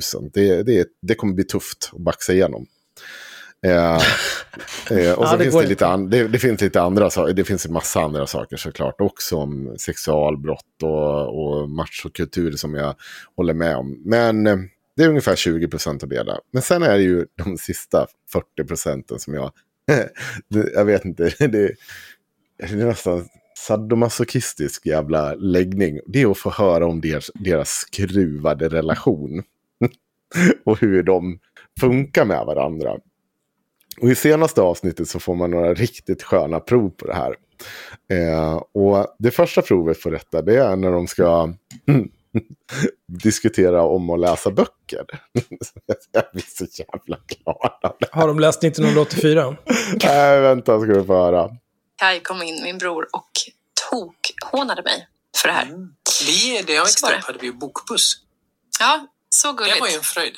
Ja. Den ställde sig alltid i korset. Så sprang vi dit. Läste Lucky Luke, Asterix. Mm, men det där är en sån killgrej tror jag. Alltså Jota. väldigt mycket. Att man hittar de här... Jawata, vad säger man? Jag vet inte. Indianen. Ah, Jag läste de där böckerna. Det var kul när man växte upp och bokbussen kom. Jo, men exakt. Jag läste ju riktiga böcker. Till skillnad från eh, dig som läste serier och eh, bilderböcker. Oj! Vilken burn. Ja, nej ursäkta. Ja, Hallå? Vad sa, vad sa du nu? jag, jag tror att om någon hade sagt så till mig, då hade jag nog bara tappat en hand i ansiktet på den personen i ren reflex. Men fan gud. säger du? Det drygaste jag har hört i hela mitt liv. Vänta! Det, alltså inget... Nu tycker jag inte att vi ska gå och slå tjejer, Axel, eller killar. Varför inte då? Nej, det ska vi verkligen inte. Det här är ingen Jag sa tappa en hand. Ja. Men Peter Ung, han tar inte den där skiten. Han tar inte Åh. den där skiten. Skönt. Det gör mig glad. Nej, men alltså jag pratar kanske... Ja, men, eh, jag tror att jag gick själv till bibblan och lånade hem sjukt mycket böcker från det att jag kanske var nio. Skitsnack. Riktigt töntig som nioåring. Nej, men alltså... Det är så trist att du, att du sätter ihop töntighet med att läsa böcker. Det är det här som gör att snubbar inte läser böcker, för de tycker det är töntigt. Nej, men alltså Hallå? som nioåring. Ja, alltså jag läste så. Jag önskade mig böcker. Jag läste så mycket böcker. Förstå vad bra, jag har haft eh, Ja, det är så mycket fantastiskt. nytta av Du är det. som ett litet lexikon. Jag läser också väldigt snabbt. Det kan du vara glad för att jag gör faktiskt. Men Det här Alltså är, det, är det, här, det är det här ständiga med att de två verkar behöva hävda sig själv för varandra hela tiden. Jag vet inte riktigt vad som är upp med det. Hur länge har de varit tillsammans? Vet vi Det är ganska länge tror jag. Eh, De pratar om det ibland. Jag tror att det är typ 9-10 år. Alltså det är, det är ganska länge. Åtta år kanske. Jag kommer inte ihåg. Men det är, det är, inte, det är inte en kort stund. Inte. Och det här, det här är ju återkommande. Du hade ju också en del av när de sitter och pratar, när han sitter och pratar om hennes PMDS. För det är ju återkommande i varje jävla av, avsnitt. Och jag, jag lyssnade hon- på det avsnittet. eh, Det var två avsnitt, det heter boken Manin och männen. Och det, alltså, det- det som bara slog mig i början, för de, de ska prata om hennes bokrelease. Liksom. Att Nina har släppt Ja. en bok i eget förlag och så vidare. Skithäftig grej, pepp, pepp, pepp. Så. Men sen så på något sätt så går det vidare till att det här tyckte inte Peter var en bra idé för att hon har ju PMDS som, eller PMSD. Äh, gud. PMDS. PMDS och så innan det bryter ut så får hon tydligen någon typ av manisk period där hon blir så här, nu ska vi göra allt detta på en gång och liksom kan inte kontrollera sig själv riktigt. Um, och han trodde ju typ att hon skulle så här, bränna ut eller någonting. Men ja, det, bara, det bara blir att han typ sitter och klankar ner på henne för att hon inte tog längre tid på sig och att eh, hon Ja, men du vet Nina är så här, nej men det gick ju ändå bra, så här, boken är ute, den har, det har gått jättebra och så vidare, jag är inte utbränd och så vidare. Och sen så tar han upp massa grejer så här, från privatlivet när det blir jobbigt för honom när hon har ehm, PMDS. Liksom att, ja nej men den här gången vi skulle till stallet så ja, då behövde du ju tvätta fönstren och sånt och då blev hela dagen helt förstörd för att vi kom efter. Alltså du vet man bara, va, men va, varför är detta er relationspodd Ja. om vilka problem ni har? Å andra Axel. sidan, du satt ju och berättade om eh, att Tim golar om ert sexliv. Ja, men jag gör ju inte ett avsnitt av det. Det var ju bara så här, vad har hänt senaste veckan då? Ah, nej, men eh, Tim hängde ut mig på Twitter liksom. jag kan ju hålla nere det, är det jag vill säga. Ja, det är sant. Jag sitter jag ju å andra du- sidan inte i 30 minuter och pratar om min anal, så att det... Nej. Vad f- Ja, vad fan. Jag tänkte, Axel, du, jag hörde att du var på väg att säga vad är PMDS? Så det var svår PMS kan man säga. Att det kan vara liksom humörsvängningar, nedstämdhet, äh, ångest, svårt att sova. Sen över liksom allt det här eh, fast på crack då. Typ. Ja, det låter fruktansvärt. Ja, och, och hon har ju berättat flera gånger att hon typ är på väg att lämna Peter när hon får det här varje månad. Och liksom alltså det är väldigt mycket. Hon, de pratar om det här. Så jag vet att när. Sanna berättade om det här så säger hon så här bara att hon tyckte att det var konstigt att Peter satt och berättade det. Och jag som har hört alla avsnitt, då, då, då tänker man mer så här, jo men det verkar ju vara världens största grej i deras relation. Och Ja, de nej, pratar men- ju om det var och varannat Nej, men det är inte avsnitt. konstigt att, att hon tar upp sin PMDS eller att de pratar om att hon har PMDS. Liksom. Det får hon ha allt vad hon vill. Det låter skitjobbigt och jag avundas henne Mm. inte alls. Grejen är att han sitter och klankar ner på henne på grund av att hon har PMDS. Och klankar Ja, ner jo. på hur hon beter sig när hon har det. Det tycker jag... Det tycker jag blev riktigt osmakligt, framförallt i det avsnittet som jag lyssnade på här nu. Och det, eh, jag, jag vet inte, jag känner mig obekväm bara. Att hade jag haft en jag- jag- sjukdom som fick mig att agera på ett visst sätt så hade inte jag velat att Tim liksom gick in och bara, ah, nej men shit nu är du deprimerad, eh, varför har du gråtit idag typ? Alltså det känns bara så här, va? Nej men alltså jag är ju sjuk. Eller jag har ju en... Jag, jag älskar Jag att det kommer diagnos. från två olika sätt att, att se på det. För jag ser det från helt andra hållet. För, för att det, eller jag, jag håller ju med också att han, det är mycket så här sitta och klanka ner och pika henne för det här. Det är som att de Ja. liksom aldrig får det här riktigt utrett i sin vardag. Så att de helt Precis. plötsligt börjar de pika varandra i podden istället för att bara, kan ni liksom deala med det där Men vad finns, men vad finns det att reda ut? Alltså om, om det är... Om jag inte har missförstått helt så är det liksom inte att någonting hon kan göra någonting åt. Att hon kan hjälpa att hon blir manisk eller vad fan det nu är. Det är ju bara Nej. att hantera det i så fall. Och anpassa sig efter det och försöka underlätta så mycket som möjligt tills det lugnar sig. Ja, men någonstans i avsnittet frågar han också så typ, men hur vill du att jag bemöter det här? För han, säger, han tar upp ett exempel när han har eh, bemött det väldigt milt. Liksom att ser du nu att vad du gör på grund av din PMSD, PMDS skapar ett problem här och nu liksom så. Och hon bara ja ja, sen kör hon på ändå för att hon är mitt uppe i sin maniska period. Mm. Um, och då får hon då... berömma honom för att han tog upp det så fint först. Uh, och sen så vill han då liksom så här, men hur vill du egentligen att jag ska bemöta det? Och hur, hur fixar vi detta liksom? Hur ska jag göra för att stoppa dig typ? Och det bara, Men, ja. Han får väl skriva anteckningar under den här maniska perioden och sen ta upp det med henne när hon inte är manisk i så fall. Kan, men det spelar ju ingen roll om hon är, alltså, är hon manisk så är hon manisk. Liksom. Nej men ja. vänta, jag kan tycka att det fortfarande, att du efter så lång tid som de har varit tillsammans, att de blir tvungna att ta upp det i podden. Det ja. blir superkonstigt. Att det liksom ja. inte är en sak som är utrett. För efter så många liksom, skov av det här PMDB, DS, då borde de väl hitta någon typ av strategi mer än att Peter Ung springer ut och gömmer sig i skogen och, och Nina Rung är på väg att flytta därifrån. Men vi, vi är inte klara. Eh, för det, det kommer mer i det här avsnittet. Det där blir väldigt personligt känner jag. Vi får klippa bort allt det här. Ja. Fan. Ja, det går, ja, jag tänkte på det innan, men det här är ju helt öppet. Det här är ju, det, det här är ju saker de pratar om i sin podd.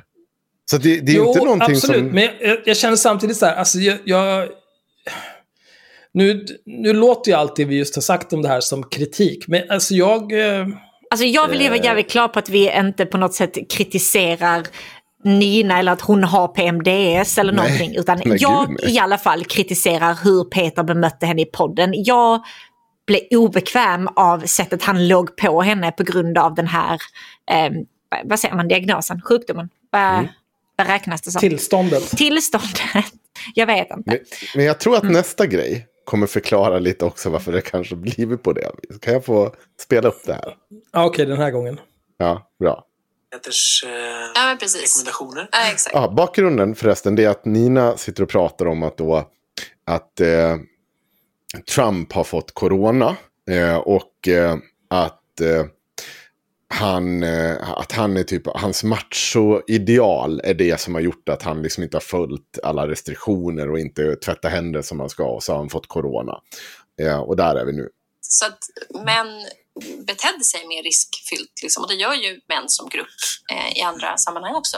Eh, men också eh, just att man liksom, ja, men typ tvättar inte händerna lika ofta och noggrant och det som eh, man trodde också att det hade att göra med att kvinnor oftare är vana vid att tvätta händerna längre tid för att man sköter om barn, man byter blöjor, man, man lagar mat, man liksom har ett annat liksom, aktivt eh, tänk kring att tvätta händerna.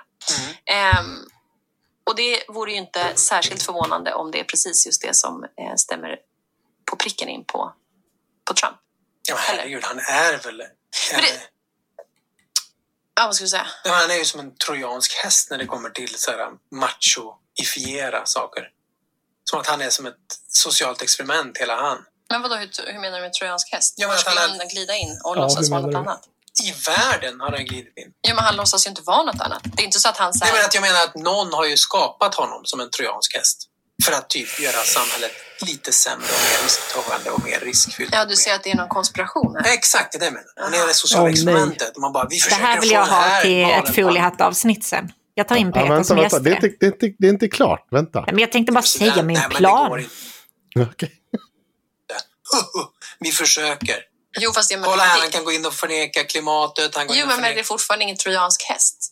För det är måste, väl om måste effekten ju... blir att... Nej, för han har ju aldrig sagt någonting. Det är inte så att han har kommit, här, blivit vald som att han är liksom oh, en macho eh, förnekare och försöker jobba mot maskulinitetsnormer som är skadliga. Nej, och sen är... visar sig vara oh, det. Han har ju gått all alltså det, De har ju vetat vad de nej. har röstat på. Så kan ja, säga. Jag tänkte mer att den trojanska hästen eh, i fieringen här är att effekterna av att han är den han är och blir vald till president att det finns det sociala experimentet där. Nu ska vi se hur mycket man kan fördärva ett samhälle genom att välja en sån här person. Mm. Jag tror att du bara använder fel uttryck. Ja, det stämmer. Alltså... Men det där, det, där var, det där var verkligen jobbigt att lyssna på. För att, ja, men vi är inte eh, klara vid halvvägs. Nej, men, nej, men lyssna här. Alltså det... det, det, um, det Nina borde gjort är att bara slätat över det där. Släpp Mm. det där med trojansk häst. För det är uppenbart att Peter inte har en aning om vad en trojansk häst är för någonting. Men, men det är okej. Det är fine. Det spelar liksom ingen roll. Bara släta över och gå vidare. Men hon fortsätter och fortsätter och han bara gräver ner sig djupare och djupare. Och sen tyckte jag mig höra att hon var på väg att börja skratta åt honom. Hörde ni också det? Fy fan alltså. Du hade inte gjort det menar du nu? Nej. Nej, men det där, nej, jag hade inte... Jag hade förklarat vad en trojansk häst är. Istället för att bara säga så här, men det där är ju inte en trojansk häst. Det där är inte så en trojansk häst fungerar. Säg vad det är då. Förklara vad det är istället för att bara låta honom säga fel om och om igen. vad är det för jävla stil? Nej, för fan. Det där var skitjobbigt att lyssna på. Ja, men vi, vi är inte klara. Jag hatar vi, vi, sånt där. Det där är jävla Ja. översittarfasoner alltså. Ja, men alltså vi har det- 15 sekunder. Eller vi har, jag kommer hoppa tillbaka 15 sekunder nu. Och så, ska vi, så att vi plockar upp det igen. Så kan du få höra. Sanna, ville du säga någonting innan? Alltså jag, jag måste ju ändå säga att jag kan känna igen mig lite grann i sådana här dumma diskussioner man kan fastna i. Jag och Tim har ju till exempel en stående om så här, vilken dinosaurie som är bäst. Och vi kan bli riktigt arga på varandra. Triceratops. Nej men håll käften Axel, alltså, jag kan inte ta upp detta här med dig nu. Jag kan göra ett helt avsnitt om dinosaurier. Jag tänker inte sitta och bråka om detta för det finns en som är objektivt bäst. Vilken tycker du är bäst? Stegosaurus? Ja, obviously. Men Ja, okej. Det är ju för fan inte någon jävla kyckling. Nej, nu går jag av här. Alltså det här får... Ja, Det här vi- vi mina puffar. Nej men lyssna, lyssna Ja. nu. Jag ville säga innan Axel Ja. avledde mig att jag kan känna igen det här att man fastnar i så här dumma diskussioner. Hör dem hemma i din podd så att alla dina lyssnare behöver bli obekväma. Kanske inte. Nej, men det är långt kvar. Ja, jag tror det. Effekterna av att han är den han är och blir vald till president.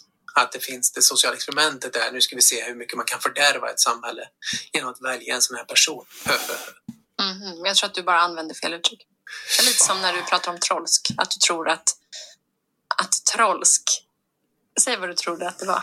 Trollsk är när man är lite eh, trollsk i utseendet. Nej men trollsk är ju... Eh, Trolllik. nej. Ja, men, det, men det, får man inte använda ord lite som man vill? Eller? Finns Nej, det, nej det så, är det man inte får. Menar det för att då finns blir så Nej, det får man förvirrat. faktiskt inte. Så om du börjar säga så här, nej men eh, det är en trojansk häst. ja. Så är det ju inte. Därför att han har ju aldrig eh, låtsats vara någonting annat än det han faktiskt är och ändå blir han vald till president. Jag menar bara att du har valt fel ord här. Okej, så du tänker att eh, ett, hade man valt till exempel trojansk häst kopplat till att han hade förklätt sig till att vara en väldigt skötsam person som tog eh, klimathotet på stort allvar och eh, skötte sin hygien och eh, inte var sexist och homofob och sånt. Ah, Och sen hade det visat sig att han var det. exakt. Då hade det varit en trojansk häst. Exakt. Han vet ju vad det är. Ja, men jag menade nog bara... Nej, du kan inte mena utan du får ju förhålla dig till hur vi använder uttryck.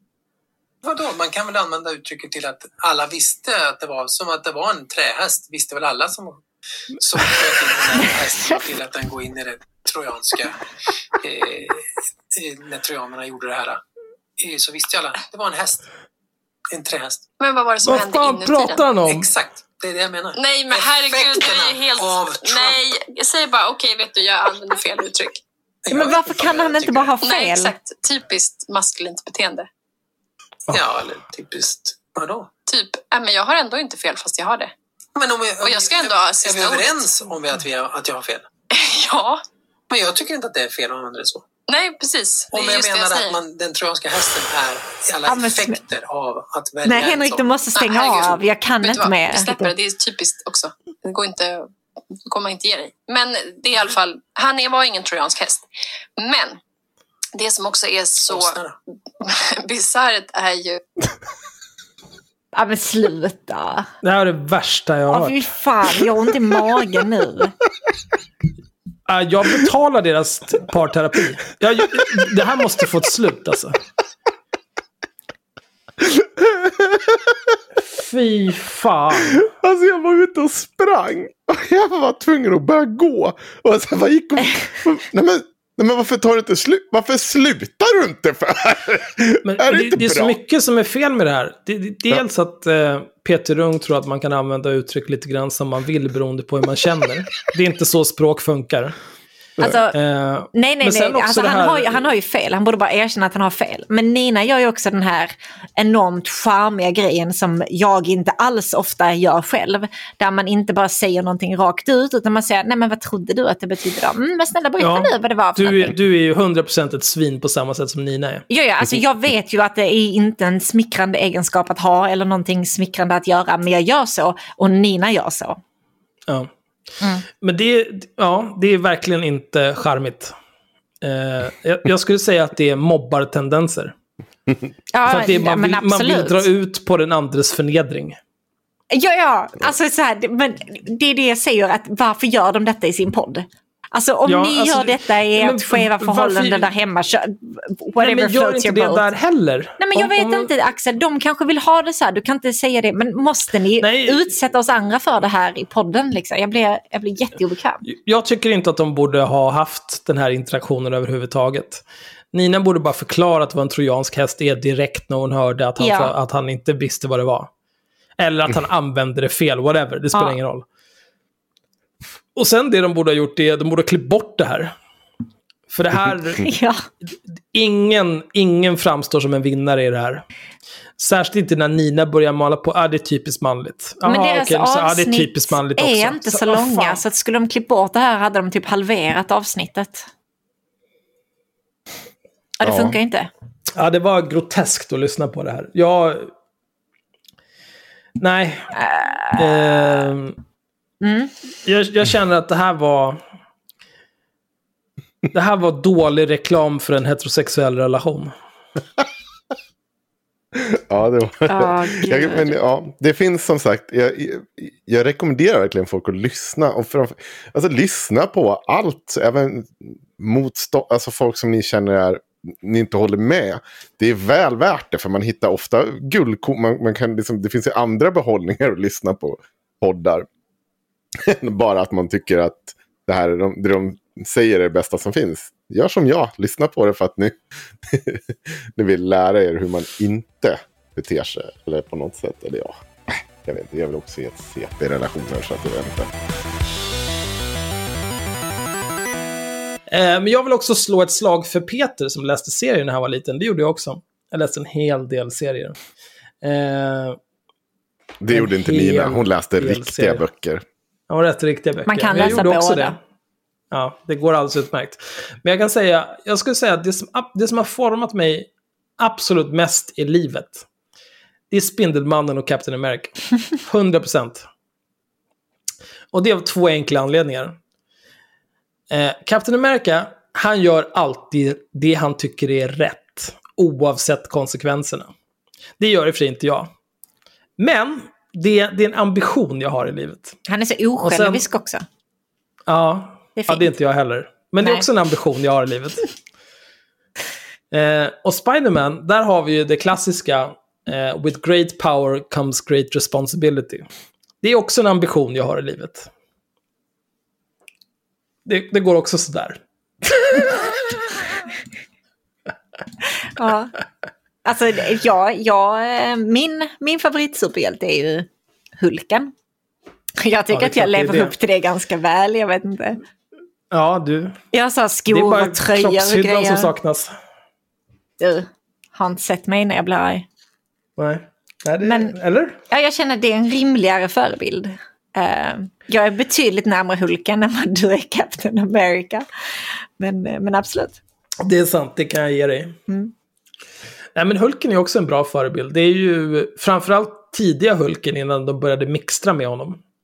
Eh, tidiga Hulken vill ju egentligen bara vara i fred. Enda ja. gången han ballade ur och slog sönder saker, det var ju när de kom dit och så försökte mörda honom eller försöka förvandla honom till ett vapen och göra honom till en tam Hulk och så vidare. Då slog jag är- bara sönder allting och så hoppade han iväg. Men jag känner mig också lite grann som, som eh, late MCU-Hulken där han liksom har kontroll. Det känns bra. Mm. Det känns bra. Ja. mm, det, jag, vet, ja. Hulk smash. jag vet inte hur sant det är eller hur mycket det överensstämmer med verkligheten. Förmodligen knappt. Men, men jag vill tro att det är mer Men hörni, på, på, på tal om olika typer av friktion. Ja, hur ska du gå vidare nu? Ja, men jag har, jag har en jättebra övergång. Eh, olika kör typer på. av fusion. För jag, jag tänker att vi, vi är väl ganska klara för idag. Vi, vi är väl ganska... vi Nej, men vi tar det. Kör Ja, men på. Jag tänker, det, det två stycken helt fantastiska eh, eh, grejer som kom in lite tidigare. Som heller vi aldrig riktigt fick ta upp. Eh, eh och det är ett bidrag till eh, saker som inte har hänt 2020. Eh, Twitterkontot rekommenderar det varmt. Eh, för det, det går egentligen varje år på, ut på att sa, eh, kora, kora den saken som minst hänt under 2020. Så nästa gång heter det 2021, det här jävla kontot.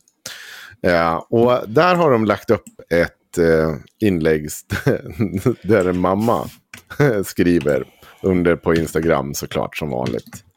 Pratade senast igår med min mamma, vars, eller pratade senast igår med en mamma vars son sagt vi måste tömma min gamla dator innan lilla syster får den på grund av den är full av grov porr. Var på mamman, något chockad, ändå fann sig och tog tillfället i akt att höra. Så sonen var snäll mot sin flickvän när de hade sex. Han svarade ja. Men det var svårt att ens ha sex i början för jag tänkte bara på det jag sett i filmerna. Detta sammanfattade sorgligt nog så mycket av vad våra unga fantastiskt, eller våra unga faktiskt inte ens kan njuta av något så fantastiskt som sex på grund av att deras hjärnor programmerats om till att vilja ha så grovt sex att de inte kan genomföra samlag inom lagens gränser. Sad smiley. Vad, vad tror vi om oddsen att det har aldrig i historien av tonårspojkar varit svårt för någon tonårspojke att få upp den och komma alldeles för tidigt vid sitt första samlag.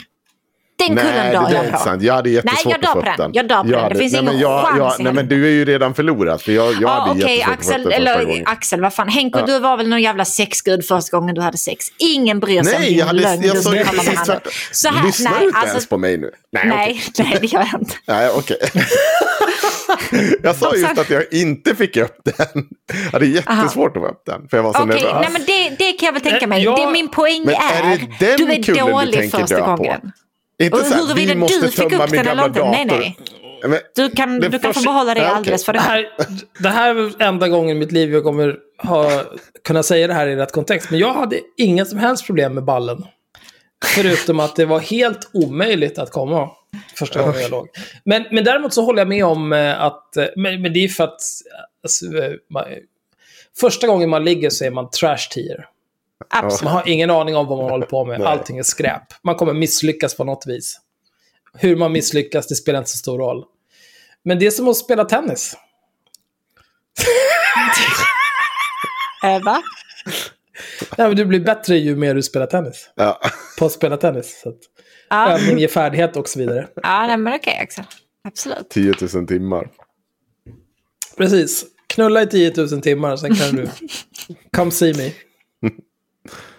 Men, men är, vi inte, är, vi inte, är det här vi ska lägga fokus på? Att den här killen hade svårt att få upp den i början på grund av att han har sett för grov sex. Eller det faktum att han säger till sin mamma, vi måste tömma min gamla dator innan lilla syra får det. För den är på, gru- på grund av att den är full av grov porr. Jag, inte jag hänt. tror att pojken kan ha sagt att ah, kanske vi kan wipa datorn innan hon får den. Nej. Han sa inte det heller. Eller typ så här, Nej. ah, nej men Om- lilla syster ska få din dator. Han bara okej jag ska bara wipa den först.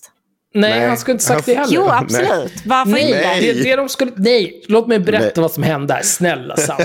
Ja men du vet De ingenting. säger så här.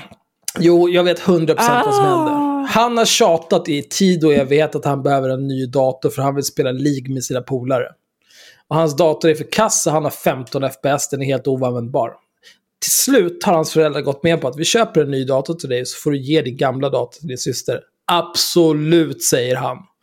Och eftersom han är någon typ av tonårspojke 2020 som är liksom eh, mentalt 45 så har han en massa porr sparad på datorn. Vem har det 2020? Ah. Eh, men då, då säger han så här, absolut. Och sen så går han bara och raderar all sin porr. Och så Ja, pratar eller- han inte om det. Varför skulle han säga någonting om det? Det är ju helt sinnessjukt. Gå och bara ta bort det, så är det bra. Du vet väl vart du har sparat någonstans? Är du dum? Radera mappen, så är det klart. Eller ladda upp den på Google Drive så kan du ladda ner den på din nya dator sen. Fan. Kan jag få vara Axel lite lösningsorienterad? tipsar. Ladda upp porren på Google Drive. Det, det fanns en stark contender till den här eh, från stack, eh, Instagram-kontot Stackars män som jag varit omedelbart blockad på. När jag ställer frågor kring det här. Det är lite oväntat. Eh, det, de har skrivit så här. Det finns inget feministiskt, inget sexuellt eh, frigörande och inget sunt med porr. Jag jobbar med barn. Jag ser verkligheten nu, åt, jag ser i, i verkligheten nu åttaåringar som tittar på porr snacka om hur man ska trycka in snoppen i hennes åt, eh, i henne. Åttaåringar eh, som pratar om vad han gjorde mot henne, inte vad de gjorde tillsammans. Jag jobbar med tioåringar där flickor frågar om analsex och hur de ska göra för att klara av det. Exakt hur är det här härligt och frigörande för våra barn? Ja, Det är Ja, mycket av det där som inte har hänt. Nej, jag också. Jag frågade då så här, att har du kontaktat SOS eller på annat sätt alarmera eh, någon i din omgivning? För att det här låter ju inte bra att det här har hänt. Eh, blockad på nolltid, det var bara rakt in i vasken. Mm. Och Du Ja, det... kom som en total blixtförklar himmel där, antar jag. Ja, verkligen. Um, nej, men det, de här är ju de är så bedrövliga, de här människorna. Det, är, Alltså det, ja. det förvånar mig att det är så många som eh, orkar ljuga på det här viset. Mm. Ja, Eh, men nu när vi ändå är inne på porr och, och knullande. Jaha, Jag har en grej. det är klart du har. Eh, hyrflickvän.se. mhm. Eh, observera flickvän.se, alltså med ä. De har Ja. köpt en URL med ä. Vem fan gör det? Mhm. Eh, det här är, läser här, hos Ida Östensson på Instagram. Eh, jag öppnade den här länken först och sen så öppnade jag nästa länk som jag ska läsa också. Båda är från Instagram. Det är Ida Östensson först och sen är det Peter Ung. Och sen när jag tittade på de här länkarna så insåg jag just det. Jag måste öppna det här i inkognito-flikar för de har blockat mig båda två. Horungar. Så här skriver Ida Östensson. Eh, från Make Equal och allt vad det är. Var sjätte man som registrerade sig ville hyra barn på fejkad sugardating-sida. 808 män har i helgen försökt hyra en flickvän via hemsidan hyrflickvann.se. Här skriver hon inte vän. Ah, okej. Var sjätte man av dessa, 16,6%, sökte på minderåriga tjejer, med andra ord barn. Sidan är i själva verket en del av en kampanj mot sexköp för att synliggöra de förskönande metoder som sugar dating som lockar in unga i prostitution. Bakom initiativet står anti-trafficking-organisationerna Child 10 Award och Real Stars EU. Läs mer på hyrflickvän.se. Eh, Peter Rung skriver, han postar samma bild som vi kommer till alldeles strax, som Ida Östensson har gjort. Och så skriver han, den här skiten, kan vi prata om det? Kan du prata med din polare, kollega, lagkamrat, broder och vän? Kan vi liksom börja ställa lite krav på varandra, vi män? Säg stopp, nej, sluta och lägg av. Låt oss ge beteenden och attityder som ständigt objektiviserar, sexualiserar, avharmoniserar sociala konsekvenser. Låt det kosta. Och ja, vi kan tycka om dem. Det här är inte troll och bovar. De finns mitt bland oss. Ni skrattar, festar, vandrar, spelar paddel och investerar i projekt tillsammans. Ta ställning. Eh, och sen har han postat Ida Östenssons text under här då. Och det som står på den här bilden som de båda två har postat är på endast tre dagar registrerade sig 808 män för att hyra en flickvän. 16,6% sökte att hyra minderåriga tjejer. Med andra ord ville en av sex män hyra slash begå övergrepp på barn. Eh, jag har tittat lite på båda de här organisationerna. Eh, Child 10 Award och Real Stars EU. Båda hävdar att de arbetar för att motverka trafficking. Och det är ju hedervärt och bra. Men med den här kampanjen, eh, det, det finns problem. dels är det så här. Eh, för att nå ut med att driva trafik till den här sidan så har de haft folk som har delat ut flyers. Eh, jag vet inte var, och jag vet inte hur, och jag vet inte när. Men de har haft folk som delar ut flyers i köttvärlden. Det låter som en helt sjuk grej att göra 2020, men okej. Det har ni gjort. Sen har de också använt Google AdWords, så att om folk har sökt på sugar dating, eh, jag vet inte, andra sökord relaterade till det där, så har de blivit rekommenderade den här sidan. Ehm, så redan från första början så har de ju ett urval av 808 män som från början var intresserade av att köpa sex. För det är ju vad hela den här sugar dating skiten är. Det är bara... Eh, sugar dating, det är ju liksom... Det är prostitution, fast vi låtsas att det är något annat. Och eh, man betalar mer kanske, jag vet inte. Det Spontant känns som att det är dyrare. experience. Ja. Ja. Det känns som att det är dyrare, men man kanske, kanske ger högre tillgänglighet också. Jag har ingen aning. Men det är folk som redan är intresserade av att köpa sex eller köpa någon typ av girlfriend experience eller vad fan du nu kallar det. ja, precis. Girlfriend Och då är det experience. 16,6% som, av dem som redan ville köpa sex. Som ville hyra minderåriga tjejer. Minderåriga, då får man ju räkna under 18.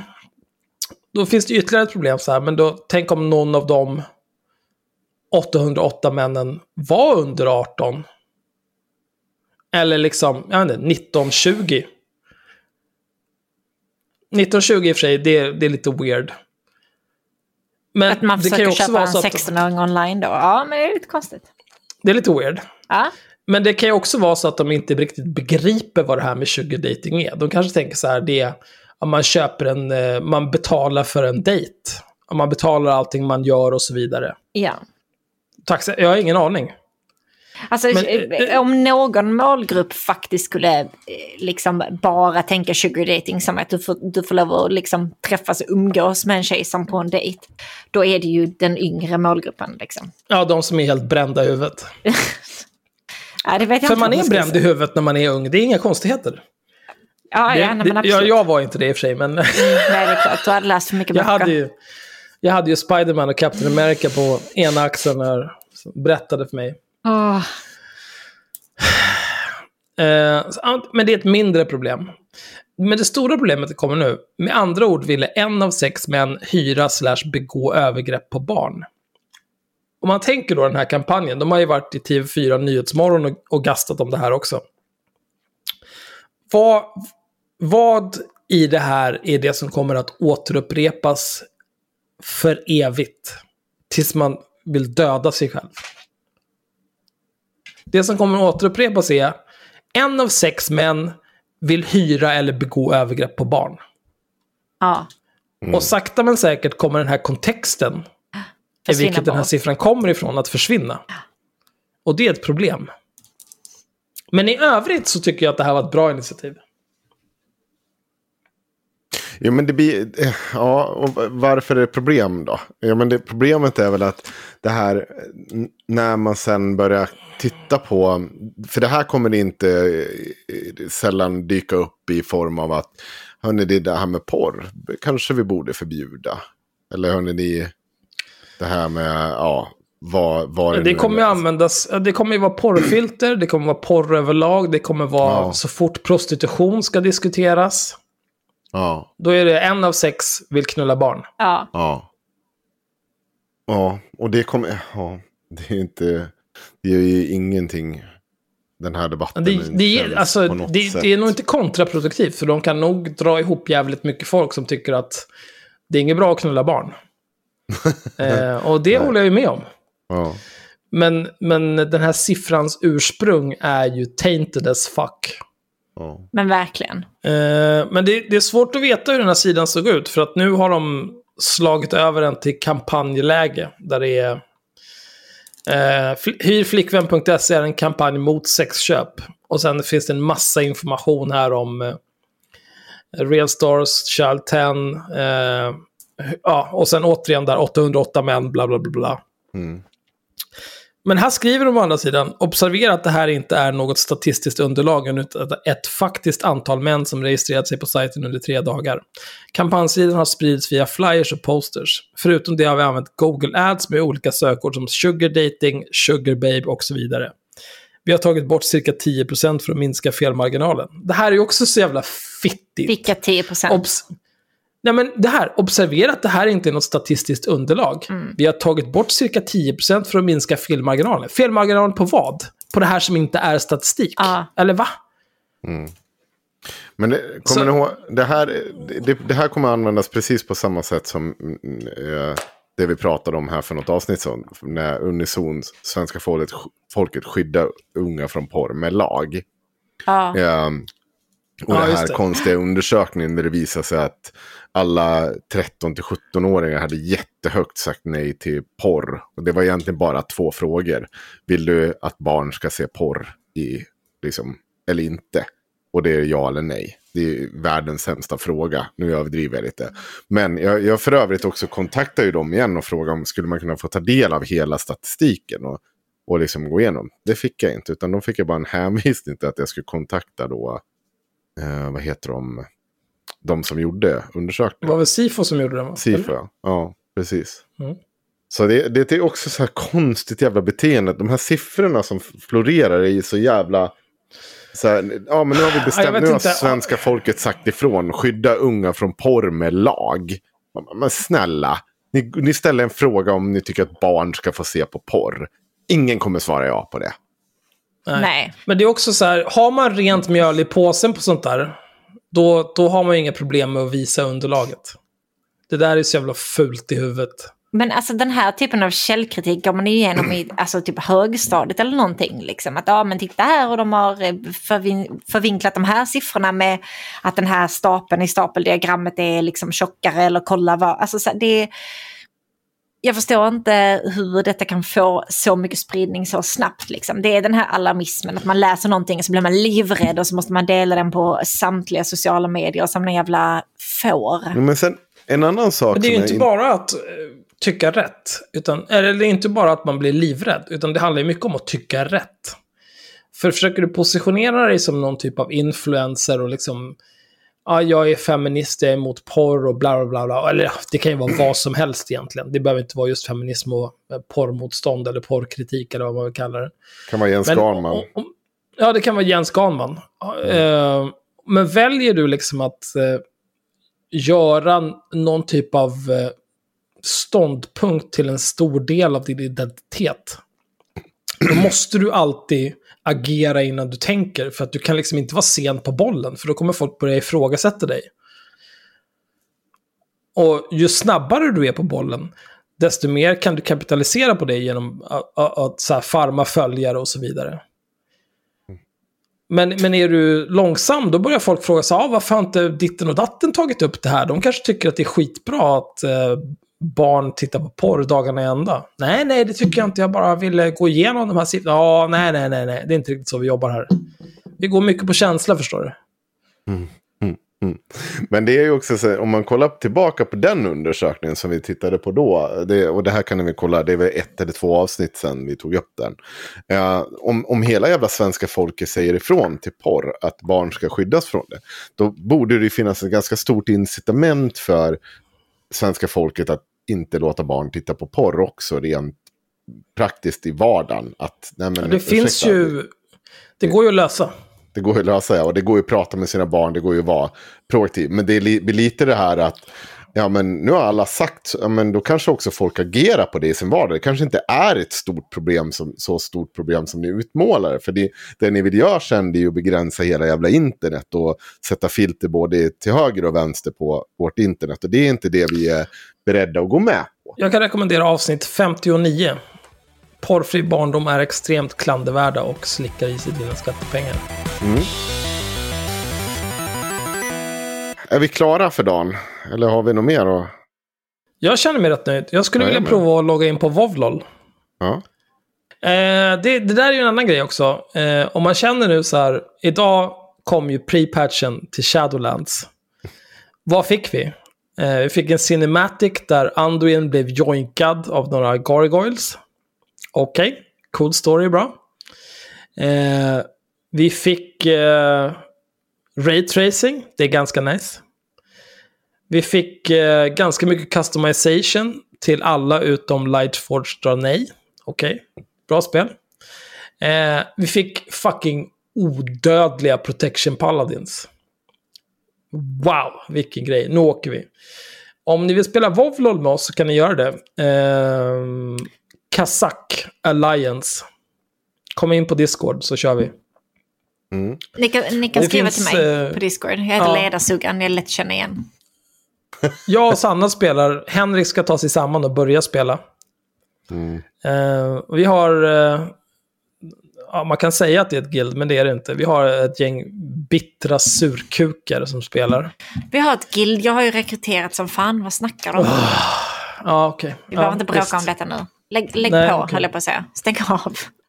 Ja, men eh, transfera eller levla Alliance på Kazak så att vi kan spela Mythic direkt när det öppnar. Och kom ihåg den, vilket datum var det? 24, 23? 23, fredagen den 23 oktober 21.00 blir det någon form av livestream. Jag kommer posta en länk Ja. i avsnittsbeskrivningen på nästa avsnitt. Och nej, det kommer jag inte göra. I avsnittsbeskrivningen på det här avsnittet blir det. Det är okej. Jag, kan, jag löser det. Eh, det kommer också finnas i gruppen på Facebook och det kommer finnas på Patreon. Och glöm inte att bli patrons. Ah. Om vi inte kommer över 3000 patrons i oktober, då kommer jag ta livet av mig. Oj, det är sånt jävla grovt hot. Eh, kom också Ingen ihåg press. att det finns merch att köpa på Spreadshirt. Pengarna går inte till oss utan vår urfattiga eh, merch-kille. Kristoffer. Vår, som sliter. vår fattiga Ja. loggamakare och merchmakare. Ja, han Ja. tjänar ju bara pengar till sig själv. Jag inte varför, vi, varför gör vi ens reklam för det där längre? Jag hatar honom. Nej, Eh, jag tycker om det Svanes. Du är okej. Och vi bokar nu 25 till en ny inspelning. Nu får det fan vara lite lugn och ro med inspelningen. Så får ni det innan månaden är slut sen. Det blir toppen. That money, that cash. Ja, perfekt. Ja, bra. Kul. Mm. Eh, ni kan ju... Ja, jag, jag, jag skiter i vad ni gör. Vi hörs. Puss, hej. Puss, hej.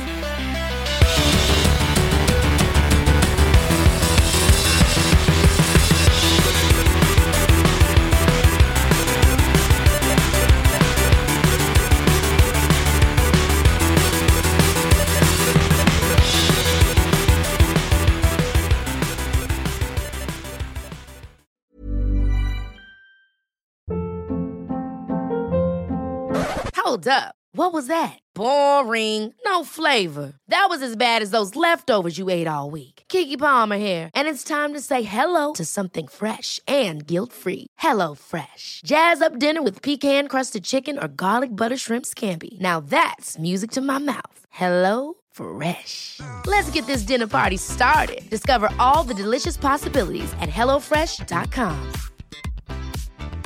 Planning for your next trip?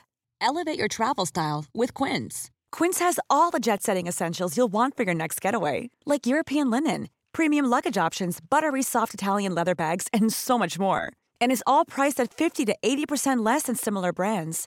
Plus, Quince only works with factories that use safe and ethical manufacturing practices.